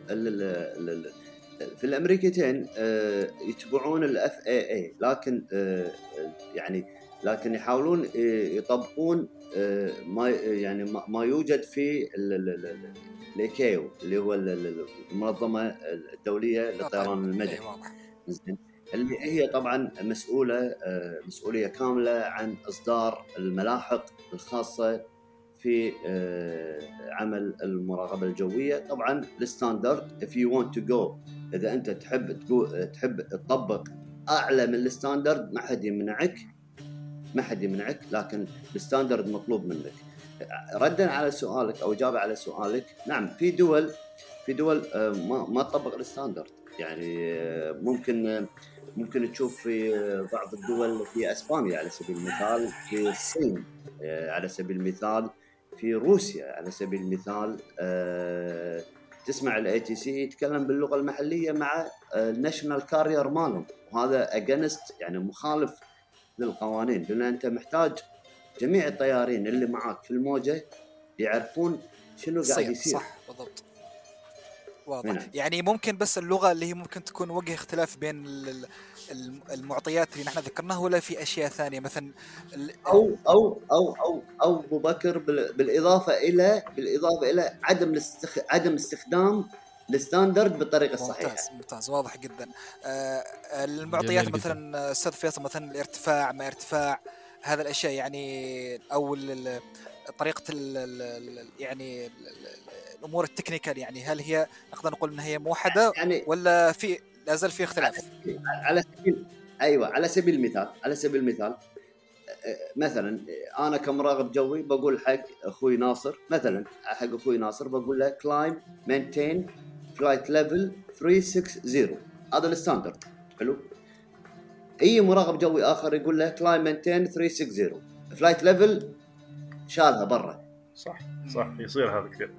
هذا standard بس خجول اي واضح, واضح صحيح واضح. فعلا آه، كابتن آه، كابتن ناصر أو أستاذ فيصل أتوقع أنا أنا تخوني الذاكره في هذا الوضع بس أتوقع انه في الصين نفس الشيء في في شيء مختلف يعني عن اللي بيصير في العالم صح. أنا ناسيه بس بس آه، أتوقع إنه على ضوء هذا الموضوع أنا أعطيتكم السؤال بس أنا نسيت إيش هو بالضبط هو قصدك الطيران بالمتر. يمكن. أيوة. اي اي في ممكن. الصين في روسيا في في عدة دول. آه حلو ممتاز. يعني نفس الشيء يعني ال- ال altimeter ممكن يتغير من من دولة إلى دولة.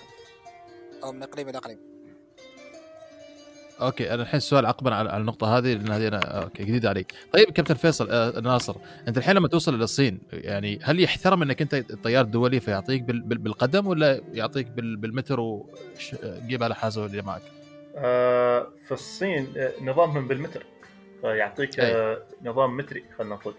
في روسيا هو- نفس هو, هو, هو ملتزم آه. بنظامه يعني. أيوة، أنت تصير عندهم طيار. نظام دولي يعني. فأنت كطيار أنت لازم تشتغل على هالموضوع. كيف ممكن, أوكي. ممكن هنا هنا كيف الاشكاليه ممكن تشتغلوا عليه كابتن ناصر؟ يعني هل في أج... أج... جميل جدا. في آه، إحنا عندنا نفس الجداول. جداول جاهزة. آه، يعطيك مثلا أرتفاع معين خلينا نقول. طبعا على حسب ما أذكر إذا ما غلطان. في الارتفاعات شوية ال- العالية. آه، يعني يعني النظام يكون بال- بالقدم بس لما تنزل. مرحلة معينة في, ال- في الأسفل خاصة هذا في روسيا كان أتذكر يعني بشكل جدا. هناك بعدين يبدأ يعطيك بال- بالمتر. آه، بس فوق شوية يعطيك بال- بالقدم. بس الإشكالية نفس الشيء هناك الكبيرة اللي هو مرة ثانية نرجع إلى موضوع وضوح الكلام. آه إن ال- الناس اللي يشتغلوا في الطيران يكون عندهم مستوى معين من من اللغة على أساس إنه يكون مفهوم. فبشكل عام في الصين صراحة مستواهم جدا يعني متدني في في هذا الجانب. فلما يكلمك نوعا ما تواجه صعوبة كبيرة يعني في فهم هذه الأشياء.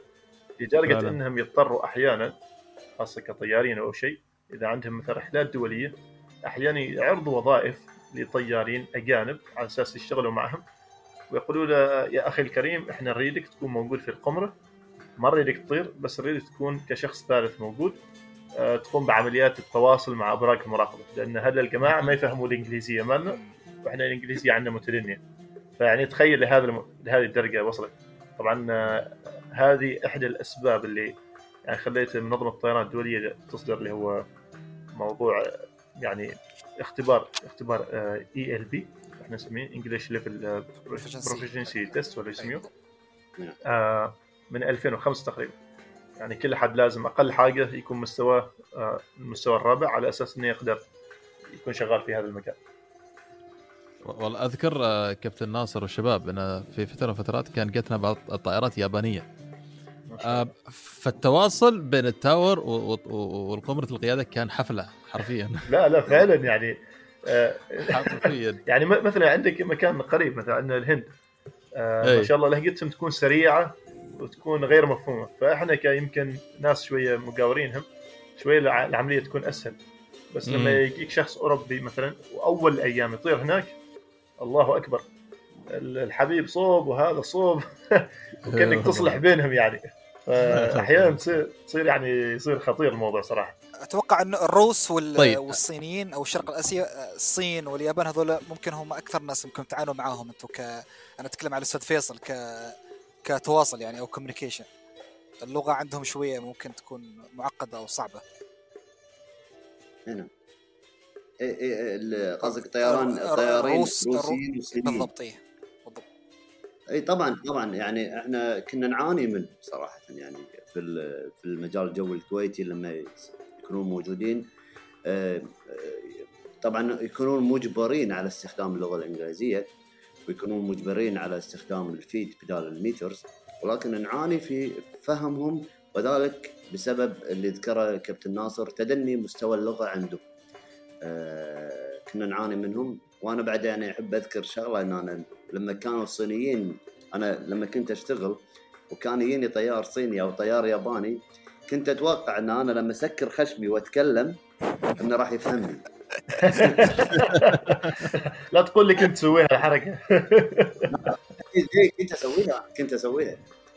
فكنت أسكر خشمي وأتكلم ومرات تمشي الأمور ويفهمني. يعني لكن. صراحة معاناه هذا الموضوع معاناه الله امشي لك تصرفت أستاذ فيصل. إيه إيه. طيب آه، آه، آه، عندي سؤال أريد أوجهه أيضا راح يكون الكابتن ناصر أيضا الأستاذ فيصل أريد رأيكم وشرحكم في هذه في هذه الجزئية. ليش بعض الرحلات في مسارات في مسار معين تكون مدتها الزمنية خلينا نقول مثلا سبع ساعات، حلو الكلام مثلا نقول مسقط إلى لندن مثلا. لكن لندن مسقط ست ساعات، خمس ساعات ونص، خمس ساعات و45 دقيقة، إيش السبب اللي اللي يخلي هناك في فارق بين ذهاب وياب في نفس المسار؟ آه كابتن ناصر. آه، بشكل أساسي هي حركة الرياح. يعني حركة الرياح العلوية إحنا نسميها. آه، الرياح في الكره الأرضية طبعا لها مسارات وتتغير مع الأيام أو الاشهر خلينا نقول على يعني مدار السنة آه، لأنها في فيها يعني مثل تجمعات نوعا ما. فنفترض لو أنت رايح إلى من مسقط إلى لندن والرياح تكون يعني من من الخلف من جهة اللي هي الشرق إلى الغرب. أي. ف- وانت رايح تعطيك آه، دفعة إضافية مجانية من السرعه على حسب سرعه الريح. إذا سرعه الريح 50 عقدة ف... وانت تطير مثلا بسرعة 400 عقدة فالحين سرعتك صارت 450 فاهم علي؟ ف... وتروح توصل لندن بس في الرقعة ال 50 عقدة هذه بتكون في الأمام فبتبطئ حركتك آه، مقارنة بالأرض. لأن أنت حركتك تقارن من السماء إلى الأرض. فالحين بتصير سرعتك بدل 400 بتصير 350 فهذا الشيء يأثر بشكل كبير على يعني مدة الرحلات. وأحيانا في بعض المناطق المسار يكون في مثل ما نسميه إحنا التيارات النفاثة ال jet stream. آه هذا هذا شيء يعني جدا يأثر في في في الموضوع. فأحيانا تروح مثلا خط الذهاب إذا كانت الرياح خلفية من هذا النوع. فنفضل إن نروح في التيار النفاث يأخذنا بسرعة يمكن 100 عقده إضافية. 110 أو شيء من هالقبيل. بس في الرقعة بيعطوك مسار أطول بس تتجنب هذا الرياح تروح عند رياح أقل. آه، مع أن المسار يكون أطول بس يمكن ما يأخر بك بشكل كبير يعني نفس هذاك. جميل جدا. طيب أستاذ آه، آه، فيصل كيف الأمور تديروها أنتم من, ناحيتكم كمراقبة وملاحة قوية؟ يعني ال- ال- ال- إذا في نفس الموضوع it's not involved يعني مو متعلق وايد في عمل ال ATC بالنسبة حق ال- ال- ال- ال- ال- ساعات ال- ساعات الرحلة سواء صارت أو زادت الموضوع يتعلق في. الطيران أكثر من ال ATC أخوي. واضح يعني أخوي أخوي فيصل الحين فهمت لما بعض الشباب يكلموك يقول لك الحبيب يا أخي متأخرين ممكن تعطينا shortcut اي اي. لا هذا إحنا إحنا عارفينها يعني behind the schedule كان جزاكم يعني الله خير. direct مثلا waypoint أو نقطة ملاحية معينة تختصر عليه مثلا خمس دقائق أربع دقائق إذا إذا إذا الحالة عندي تسمح آه، نرحب فيها ودائما ما يكون في قبول باستجابة حق الطلب. جميل جدا. طيب آه، آه، قبل قبل نختم الفقرة الرئيسية هذه عندي بس سؤالين ثلاثة أنا ماني عارف إذا سالم أبو بكر كمان عندهم. آه، كابتن ناصر آه، إيش الفرق بين الطيار العكس العسكري والطيار المدني يعني؟ هل يحق للطيار المدني إنه يكون عسكري إذا قرر والعكس يعني العسكري هل بإمكانه ينتقل إلى إلى إلى إلى الطيران المدني؟ آه والله فرق نوعا ما أقدر أقول كبير نوعا ما. بشكل. أساسي بسبب ال- العمليات الدولية خلينا نقول. يعني الطيران العسكري في في العادة يكون يعني محلي خلينا نقول. آه داخل الدولة نفسها. في أنواع بس بسيطة اللي هي تخرج برا والطيارين يعني يتعاملوا مع ال- القوانين الدولية اللي إحنا نتعامل معها. بس القوانين المحلية داخل الدولة نفسها تكون شوية غير. آه كطيار مدني تصير عسكري أتوقع صعبة وما أعرف يعني حد قام بهذه العملية. لأن أنت في العاده كطيار عسكري تدخل في يعني من سن مبكر بعد الثانوية العامة معظم الدول. آه، من هذيك الفترة قبله. بس كطيار عسكري إلى مدني فهذا يعني شائع. يصير بعض بعض الطيارين بعد ما ينهوا خدمتهم بعد كم سنة آه، يدرسوا الطيران اللي هو المدني خلينا نقول. آه، يقوموا بالاختبارات المدنية وعمليات الطيران بشكل كلي على حسب الطائرة طبعا ويدخلوا المكان آه، المدني يعني. فهذا يصير. عندي سؤال أستاذ فيصل. ونفس الشيء هو أساسا يعني أهميته الكبرى والقصوى إلى إلى إلى كابتن ناصر. يعني أريد بس تعريف تمام. اريد أريد تعريف مبسط ويعني ويعني وسريع كاستاذ فيصل اللي هو الكيو ان اتش دائما أسمع الكيو ان اتش كيو ان اتش بحيث إنه أنا عايش مع ال air band يعني فاسمع المحادثات. اريد أريد تعريف ال QNH وإيش أهميته بالنسبة للطيار. آه، وأكون شاكر لك يعني وإن شاء الله تكون ختامها ختامها مسك. إن شاء الله. ال- ال- ال- طبعا آه، الجو الجواب أنا أقدر أجاوب كابتن ناصر آه، بحكم خبرته وحكم عمله أيضا يقدر يجاوب. لكن ال QNH اللي هو آه، الضغط الجوي فوق مستوى البحر. في شيء عندنا اسمه standard QNH هذا ال standard QNH دائما ما يكون بعد ال transition level يكون في standard QNH الطيار يمشي عليه. على ال stand بعد ال transition level.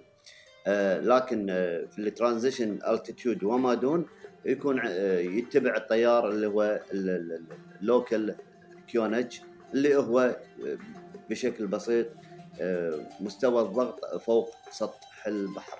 وفي ال QFE اللي هو مستوى الضغط آه، الضغط الجوي على اليابسة أو على الأرض. ممتاز. طبعا هذه كإضافة. آه، شيء جدا مهم أتوقع. آه، لأن الضغط يتغير من منطقة إلى منطقة. أنت تخرج من هنا إلى مسافه يمكن 50 40 كيلو مثلا آه، الضغط يبدأ يتغير. فالضغط يأثر بشكل مباشر على ارتفاع الطائرة.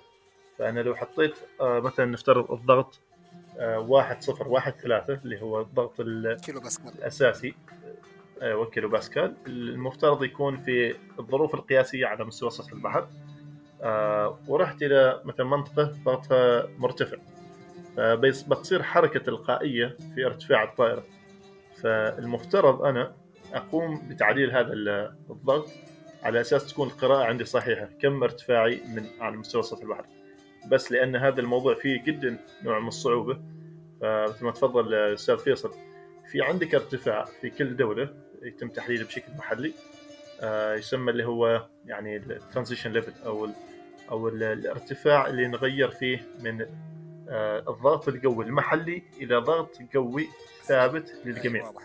فجميع هذه الطائرات تطير بنفس الضغط فحتى لو صار ارتفاع أو شيء كل الطائرات بشكل تلقائي ترتفع وتنزل على حسب الضغط هذاك بس تكون عندهم القراءة موحده وهذا يسب يعني يساعد في عمليات التفادي يعني بين الطائرات. هذا هذا هذا اللي يعطيك ال altitude يعني قصدكم ما بعد ال transition level اللي هو ال stand نعم transition level في العادة تستخدم اللي هو standard أو الش- الارت- ال- القراءة الأساسية اللي هي 1 0 1 3 101 طبعا أيوه 1013 decimal مع 2515 آه، طيب آه، الحين بس السؤال يعني الحين إذا نتكلم عن الضغط القوي هل الضغط القوي يختلف مثلا آه، اليابسة عن ال- عن ال- عن البحر مثلا ولا يفترض نفس الشيء ما- ما في شيء عامل مشترك بينهم أو يسبب في اختلاف الضغط القوي بين اليابسة والبحر؟ والله الضغط القوي يتأثر بكل شيء.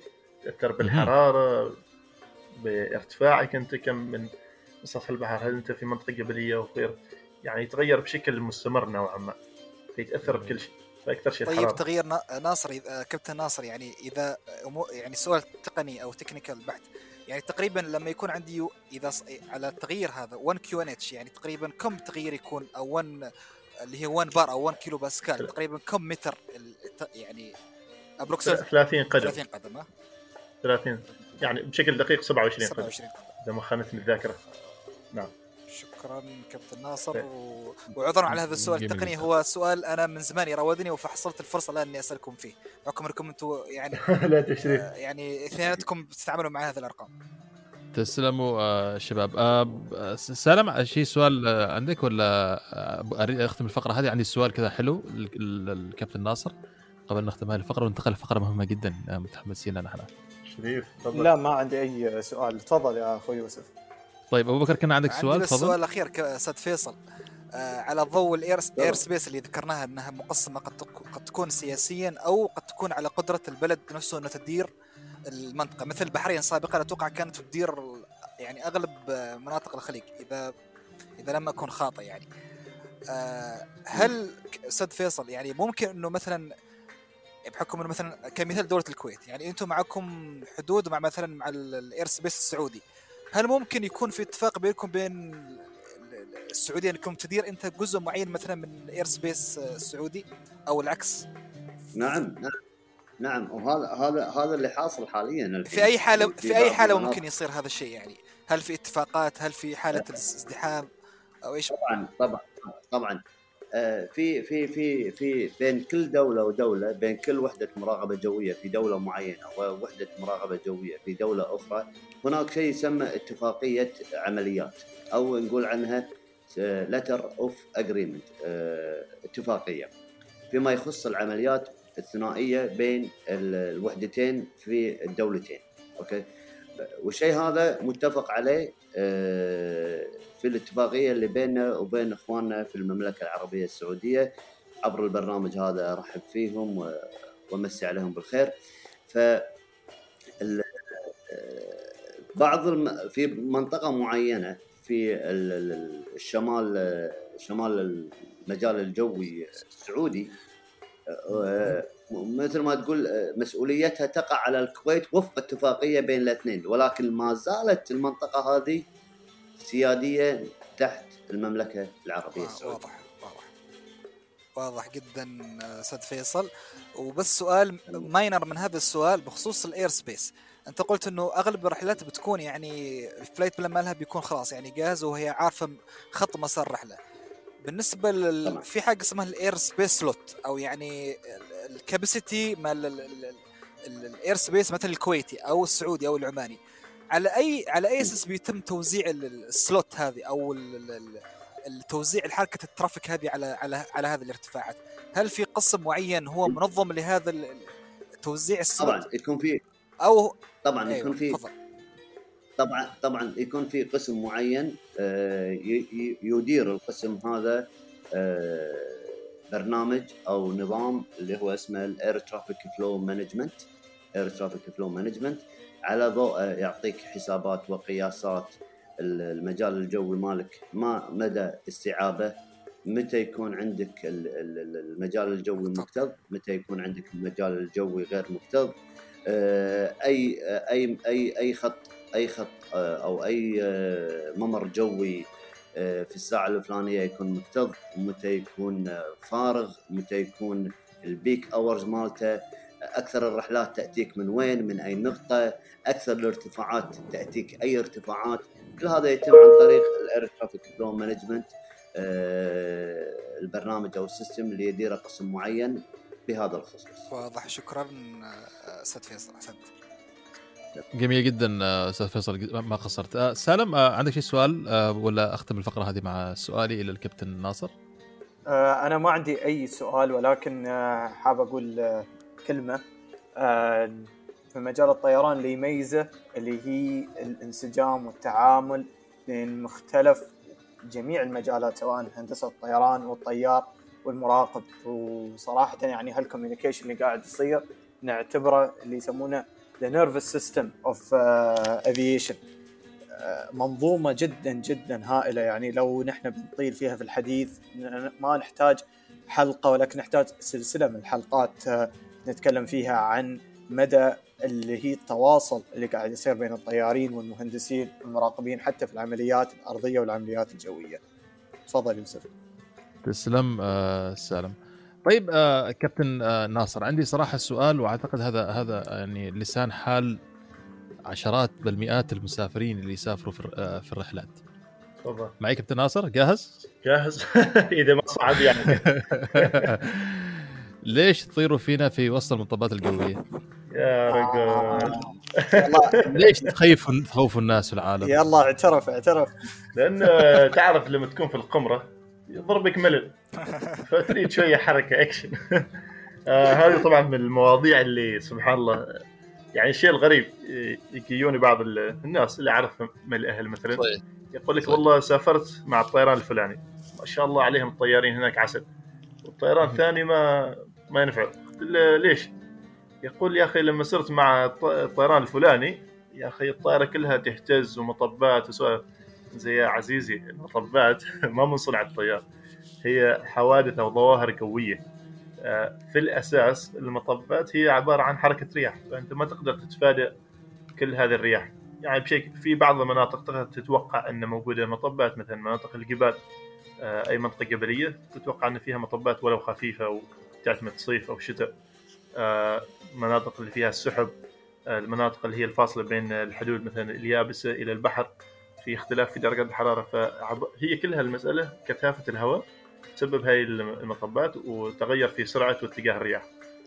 آه الحين إحنا أنا كطيار اللي أقدر أسويه طبعا أنا عندي مسار محدد آه حاسب في توقيت الرحلة حاسب في آه الوقود المطلوب أي خروج من هذا المسار راح يكلفني وقود أكثر أو أقل يعتمد. فأنا بقدر أقيس العملية هل التغيير من هذا المسار يعني يعني كيف أقول لك؟ يعني هل يستحق إني أغير المسار أو لا؟ آه، في بعض الحالات مثلا بالإمكان إن نرتفع زيادة أو نقلل الارتفاع على أساس نطلع من هذه المطبات. فهو بشكل عام يعني شيء خارج عن يد الطيار. آه، له يعني تف- تفسيرات كثيرة. وأنا كشخص طبعا نفسي ما ما حب يعني يكون في في مجال أو في مكان يعني في مطبات. فأكيد يعني قبل راحة المسافرين يمكن ادور راحتي يعني الواحد إذا إذا ما يهمه المسافرين. فبيحاول يعني يضبط الأمور من هذه الناحية. طيب كابتن هل ال- المعدات اللي عندك في الطائرة تبين لك إنك أنت الحين راح تدخل على منطقة فيها مطبات؟ لأن اللي نشوفه نحن أحيانا قبل رحل قبل ندخل في المطبات الطيار يعلن ان في في مطبات نعم. قادمة. واحيانا ندخل في المطبات بدون أي سابق إنذار يعني. فايش آه، إيش اللي يصير في الحالتين هذين؟ المطبات تكون متوقعة نوعا ما. آه، عن طريق خرائط الطقس اللي تجينا قبل الرحله نقرأ خرائط الطقس ونعرف آه، في مكتوب إن إحنا متوقع مطبات أو غيره أحيانا ما يكون مكتوب بس يكون موضح في الخرائط نفسها. فنعرف إن خلال مثلا بعد مثلا ساعتين أو ثلاث ساعات في المكان الفلاني في هذه الجزئية نتوقع إن تكون في مطبات. هل هذا التوقع راح يصير؟ هل بيصير تغير في الطقس؟ الله أعلم. آه في بعض الأحيان اللي هي أنت تقول إنه ما يعلنوا عنها يا إما إنها تكون توقعات جدا آه يعني ضعيفة فما يتوقع إنه بيصير تطور في الحركة أو إنها okay. تكون مطبات اللي هي إحنا نسميها clear air turbulence أي. الجو صافي وكل شيء صافي بس في مطب طبعا هذه في لها تفاسير أخرى من الشيء فكأجهزة في الطائرة نفسها ما تقدر تكتش- تكتشف إنه في مطب آه، هواء أمامك ما في جهاز من هذا النوع فقط. الموجود عندنا اللي هو آه، رادار الطقس هذا جهاز يكتشف اللي هي كميات آه، ذرات الماء الموجودة في السماء. آه، بشكل أساسي يكتشف إن هل في سحب أو لا. طبعا على حسب كثافة الماء معناته هذه السحابة فيها أمطار أو ما فيها أمطار. السحابة اللي فيها أمطار معناتها بتكون سحابة جدا يعني نش- نشطة ونعرف إن داخل السحب فيها حركة وتقلب كبير في حركات الرياح فمعناتها هناك موجودة مطبات فتفادى السحب بشكل عام. فهذه أشياء يعني يعني بالخبرة خلينا نقول بشكل أساسي. وطبعا فيها دراسات آه، ندرسها قبل قبل أن نبدأ يعني هذه المراحل. بس مع مع يعني الخبرة في في في المجال نفسه تقدر تعرف إن هنا في مطب هنا ما في مطب آه، نتحرك. إذا صارت حركة معينة في الطائرة نعرف إنها بتزيد أو بتقل يعني توقعات تكون في النهاية. فعلا فعلا. واعتقد كابتن ينطبق هذا الكلام على عمليات الهبوط عمليات الهبوط بالضبط، بالضبط. مرتبطة بالجو بال- بشكل أكبر يعني من لأن. لأن أنت الحين تتكلم عن شيء غير ملموس الهواء الهواء يتأثر بجميع الأشياء يتأثر بالحرارة بشكل أساسي آه إذا زادت كثافته أو قلت يبدأ يتحرك. جنب المطار مثلا يعني هذا مثال بسيط آه أي رياح تهب مثلا من مسافة بعيدة قبل المطار تكون في مباني فالرياح تصطدم بالمباني وتكون نوعا ما دوامات أو مطبات يعني في في حالة في حالة عدم استقرار في في مسار الهواء. فهذا اللي يسبب المطبات بشكل أساسي أصلا. ف... فهذا. أشكرك أشكرك كابتن على الإجابة الشافيه والواف- والوافية. أعتقد العفو. أيضا هي أتمنى المستمعين كثير يستفيدوا من المسألة هذه. أتمنى و- قص هذه القضية ونشرها للجميع الله يخليك. إن شاء الله إن شاء الله. يكفينا يعني كلام. لا ما عليك. س- سالم هذه مهمة عندك أنت. هاي الجزء لازم لازم تقصها سالم. حاضرين حاضرين يا تسلم. يوسف. تسلم الغالي طيب آه، أخواني أعتقد الآن آه، راح ننتقل إلى الفقرة المهمة جدا الفقره اللي صراحة جدا متحمس لها أنا وسالم. وأعتقد الجميع راح يستمتع فيها إن شاء الله تعالى. مقدمه ونبدأ إن شاء الله. طيب مستمعينا وصلنا الحين للفقرة اللي متحمسين لها كثير وأعتقد إن شاء الله تعالى بتك... بت... حتضرب ترند. ان شاء الله. آه راح نعمل مشهد تمثيلي مشهد تمثيلي جميل جدا. آه حتى تعرفوا إيش يصير في الطائرة لما تبدأ الطائرات تستعد من, آه بوابة الين الإقلاع.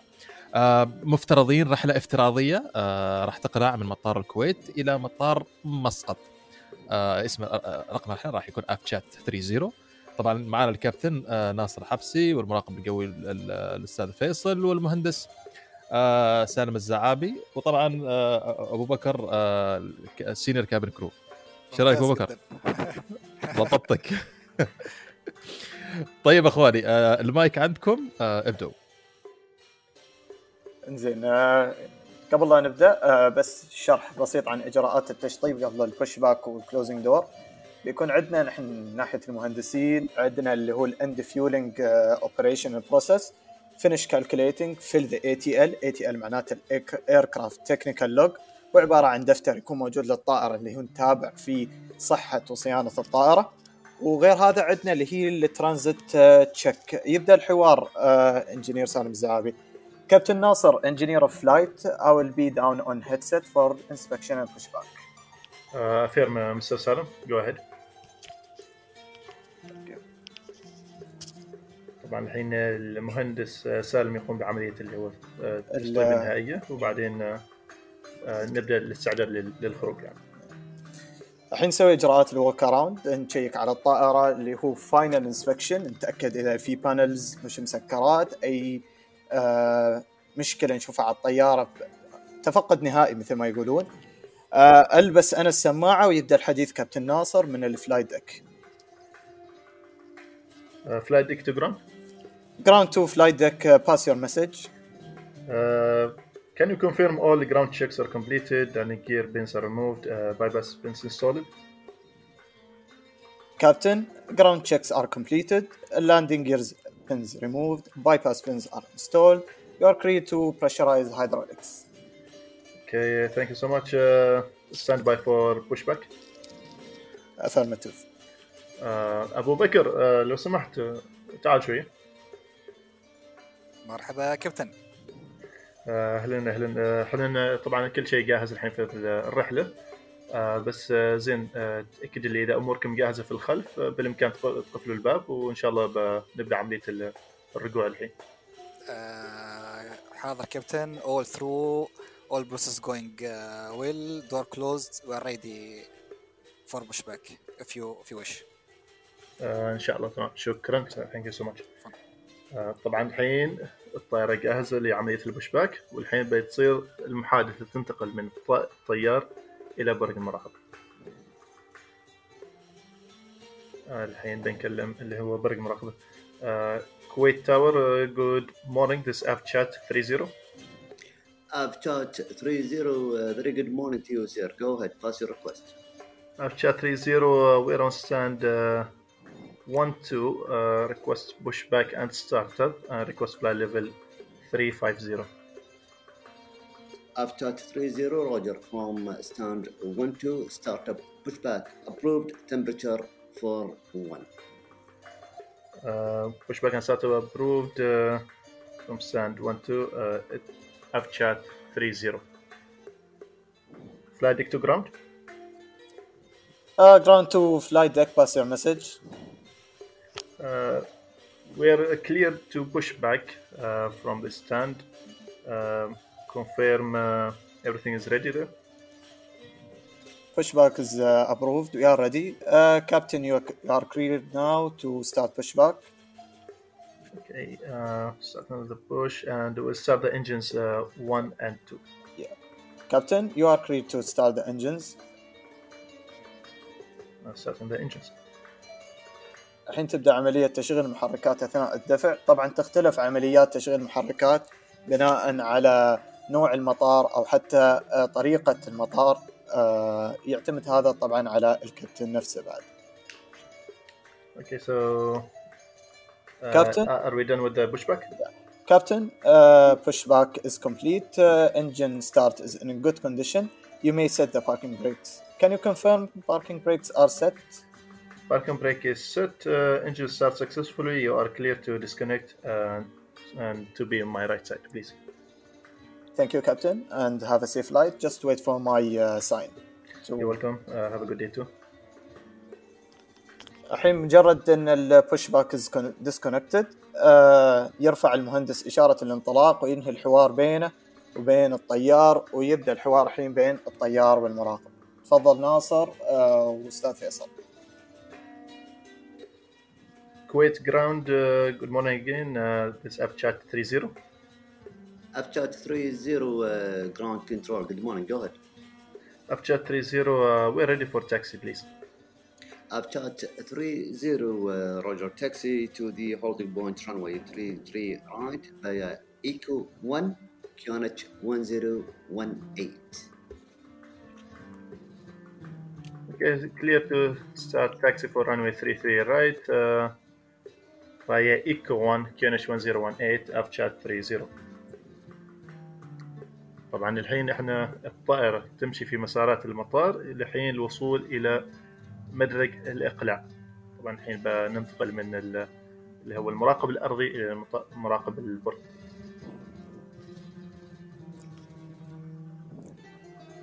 Kuwait Tower, uh, good morning again. Uh, this app chat 30 on holding point for runway 33 right. I've chat 30 just to confirm uh, ready for departure. Affirm uh, we are ready for departure. Uh, chat 30.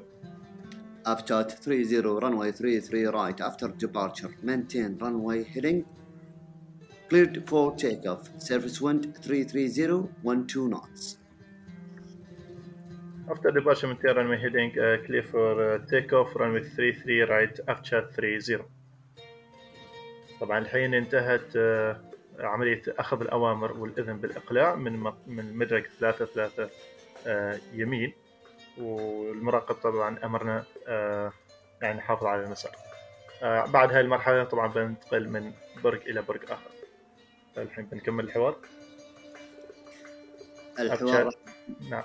راح يكون طبعا بعد إغلاق الط- الطائرة المطلوب مني في برج المراقبة إن أنا أحول الطائرة إلى آه، وحدة المغادرة أو وحدة الاقتراب.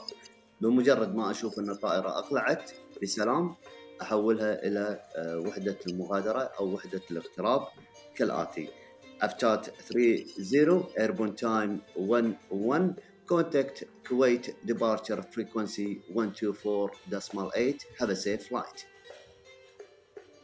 safe Uh, Tower 124, this, uh, departure 124, decimal 8. Uh, have a good day uh, too. Thank you so much. Uh, Upchat 30. bye Uh, Kuwait approach uh, Upchat 30 on uh, heading 120, climbing uh, to fla- 5,000 feet. Roger, Charter 30 identified on departure, climb maintain flight level 350, resume on navigation flight to uh, Rabab. Climb and maintain flight level 350 and continue uh, as cleared. Upchat 30. طبعا الحين آه، تم تصريح آه، عملية الارتفاع من ال- ارتفاعات الدنيا إلى آه، ارتفاع الرحلة اللي هو آه، 35 ألف قدم وبعد هذه المرحلة بت- بتتواصل اللي هي عمليات التعليمات من برج مراقبة إلى برج آخر إلى حين الوصول لمطار آه، الوصول أو الوجهة بعد. وبهذا نقدر نقول آه، انتهت يمكن المحاورة من في هذه الجزئية بعد بعد وصول الطائرة إلى آه، الحدود آه، بين بين المجال الجوي الكويتي والمجال الجوي للدولة الأخرى بمجرد وصولها إلى نقطة معينة يتم آه، تحويل الطائرة من آه، وحدة المراقبة الجوية الكويتية إلى وحدة المراقبة الجوية البحرينية كالآتي Avtat 30 you are approaching position Rabab contact Bahrain on a frequency 126.7 safe flight Contact Bahrain 126.7 Upchat 30 have a good day bye bye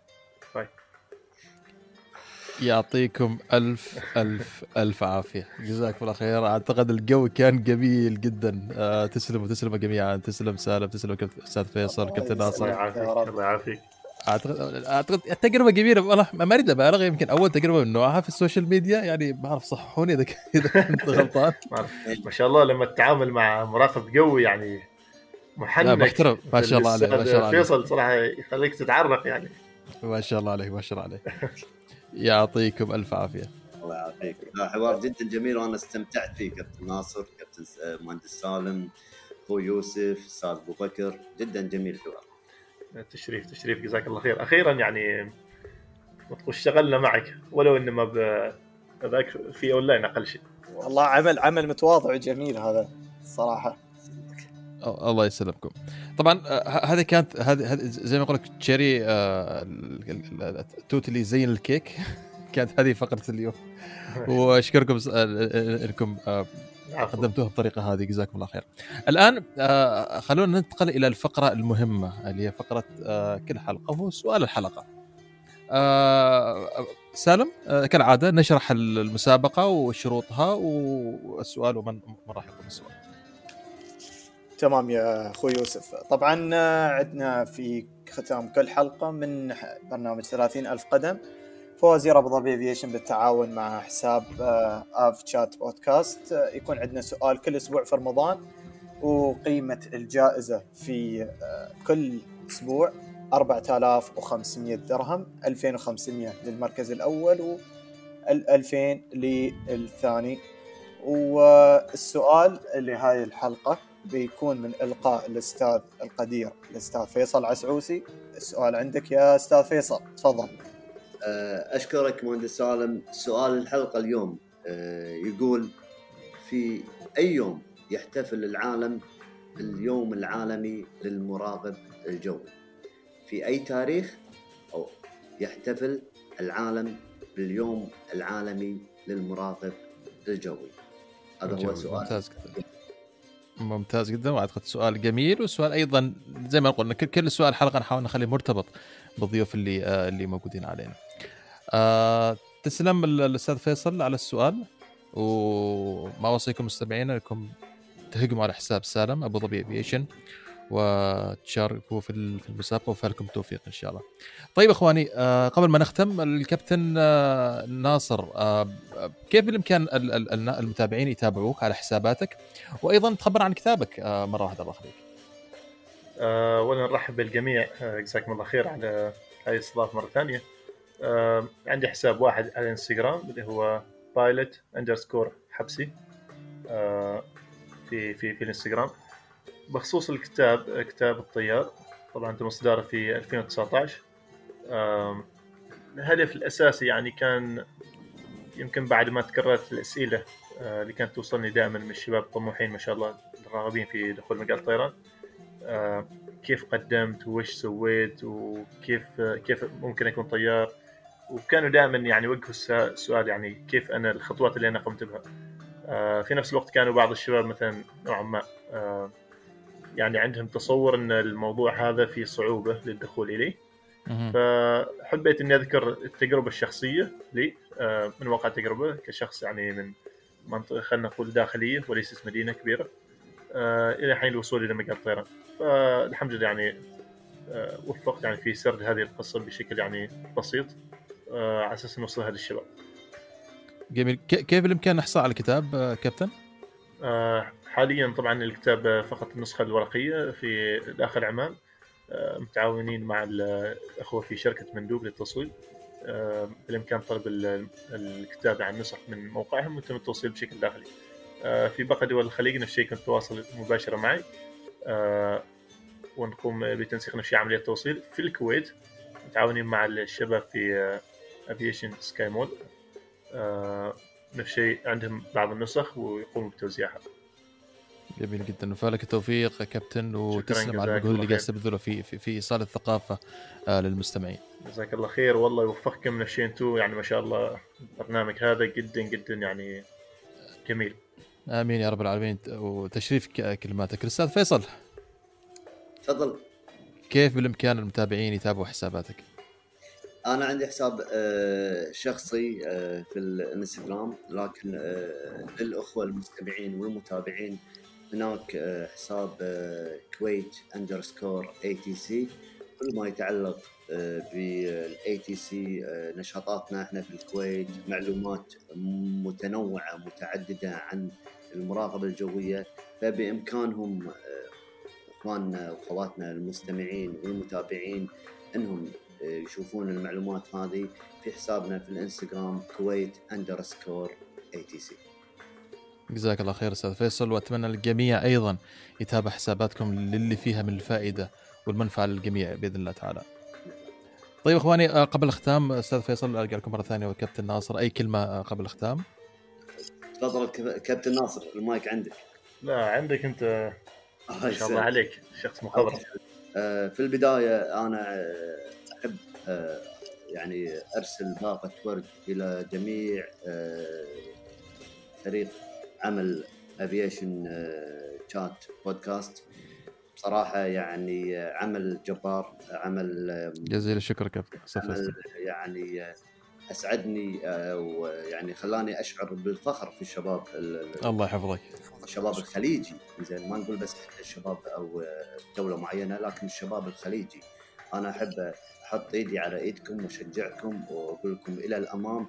وأيضا أشجع جميع جميع ال- ال- ال- ال- ال- ال social ال- الحسابات اللي في ال social media اللي تتطرق إلى مجال الطيران والمعرفة في مجال الطيران سواء الطيران أو المراقبة الجوية أو الهندسة أو أو أو أو وإلى ذلك. فشكرا لكم. آه، شكرا على الدعوة. شكرا على استضافتي. سعدت جدا بلقائي معكم آه، استمتعت بالحوار معكم آه، وسامحوني إذا بدر مني أي تقصير. أنا ابدا ابدا. ابدا يا أستاذ فيصل. أنا استمتعت جدا وشكرا على مرة أخرى على الاستضافة وعلى اختياري أن أنا أكون ضيف الحلقة الثانية من البرنامج الرمضاني الخاص في Aviation Chat Podcast شكرا لكم بحجم السماء ونعم الضيف آه، أستاذ فيصل. ومن هذا المكان نتمنى أنك تعود إلى إلى منصات ال social media مثل ما كنت وافضل انك أنت من القامات اللي واحد يستفيد فيها في مجال المراقبة إن شاء الله. حقيقة. أتمنى ذلك والله أستاذ فيصل. إن شاء الله. إن شاء الله أوعدكم في القريب العاجل يكون لنا وقت أكثر مع ال- ال social media.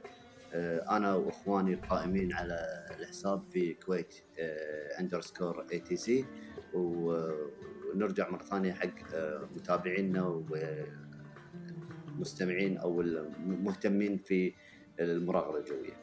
خالص تحياتنا الأستاذ فيصل لك والفريق اللي اللي يعمل معك. شكرا لك. ونشكرك ونشكرك للأمانة أن أنا قبلت الدعوة ب... يعني بهذه السهولة. جزاك جزاك الله الف خير.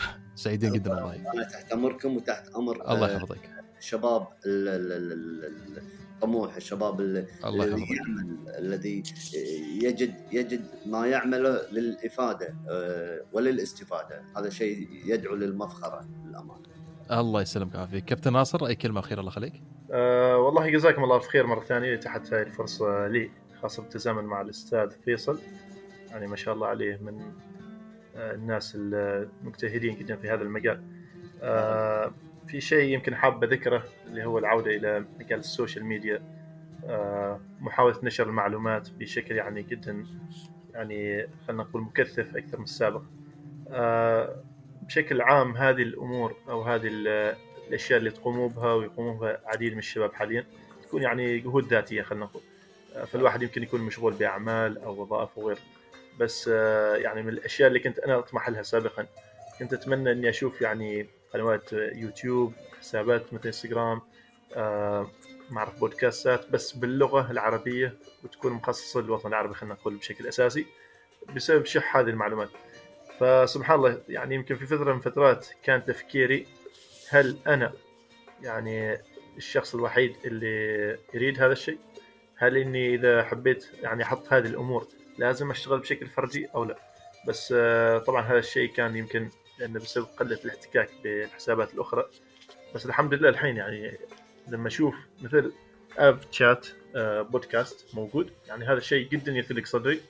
وأعتبره يعني مثل حلم شخصي يتحقق بس بايادي ناس ثانيين. فجزاكم الله خير وجزا الله خير يعني جميع الشباب العاملين آمين في هذا آمين آمين يا رب العالمين. آه وفقكم الله. وكان تشريف لي أخي يوسف وتعرفنا بالأخ أبو بكر والأخ سالم كذلك والأستاذ فيصل. فاتمنى لكم التوفيق إن شاء الله. وعسى يكون قدمنا ولو شيء بسيط يعني في هذا البرنامج. آمين. أنا أنا أنا ولا عليكم قصر يا رب. أنا دائما أحب أكرر كلمة سالم آه اللي دائما يقول نحن كلنا نعين ونعاون بعض بإذن الله تعالى نعم. ونرتقي بالمجال بالمستوى الثقافي إن شاء الله في مجال الطيران. آه سم سالم تفضل سالم. آه بس كلمة أخيرة بوجهها في ختام هذه الحلقة. طبعا مثل ما ذكرت في الحلقة السابقة أبدأ أول شيء بالعاملين في آه برنامج 30 ألف قدم آه الأستاذ يوسف الأستاذ أبو بكر وفي غياب بعد الزميل الزميل الأستاذ أيوب الحسن. أشكركم جدا على هاي الفكرة الجميلة وأبدعتم ثم أبدعتم ثم أبدعتم. آه غير هذا ما نستغني عنك والله سالم ما نستغني عنك عزيزي. والله سلام. والله أنا أتشرف يا أخوي يوسف وسعيد إني أكون ضيف. ومذيع عفوا مذيع شرف موجود في آه برنامج آه 30 ألف قدم. أما بالنسبة للضيوف آه، الكابتن ناصر والأستاذ فيصل تشرفت فيكم والحوار كان جدا ممتع. و... شرف لنا جزاك الله خير. ومعرفتي فيكم مثل ما يقولون ذهب. و... انت الذهب و... على عيني وراسي يا كابتن ناصر. ما شاء الله. ومثل ما يقولون الحمد لله ال social media آه، في الوطن العربي صار عامر كبار قامات الطيران. وإن شاء الله يعني الله يوفقنا ويعيننا على تقديم العلم وننفع الناس آه، بالعلم اللي عندنا لغيرها من المستمعين وغيرها من الناس. وصراحة يا كابتن ناصر وأستاذ فيصل أنا أقولها بكل تواضع أنا أقلكم علما ونتعلم منكم الحين أنت ما شاء الله عليك يعني سبحان الله يمكن العلم أحيانا ما يقاس بالكثرة بقدر ما يقاس هل أنت العلم كاتمنه لنفسك أو تعطي الناس. وأنت صحيح. أكثرنا يعني في في في تطبيق هذه العملية. فأنت اللي تفيد الناس ما شاء الله والشباب جزاهم الله خير. الله يسعدكم يا رب. يعطيكم الف عافيه جميعا وأشكركم جميعا كلكم على الحلقة الرائعة للأمانة هذه آه، من ثلاثين ألف قدم. إلى ملتقى قادم آه، أخواني الكابتن ناصر والأستاذ آه، الله يحفظكم بإذن الله. بارك الله فيكم وشكرا لكم. الله يسلمك. الله خير شكرا. الله يسلمك. وبكذا مستمعينا نكون وصلنا إلى نهاية حلقة اليوم وأتمنى أنها نالت على رضاكم. انتظرونا في الحلقة القادمة مع ضيوف جدد ومواضيع أجمل. إلى ذلك الحين كونوا بخير ودمتم بكل خير وعافية. thank you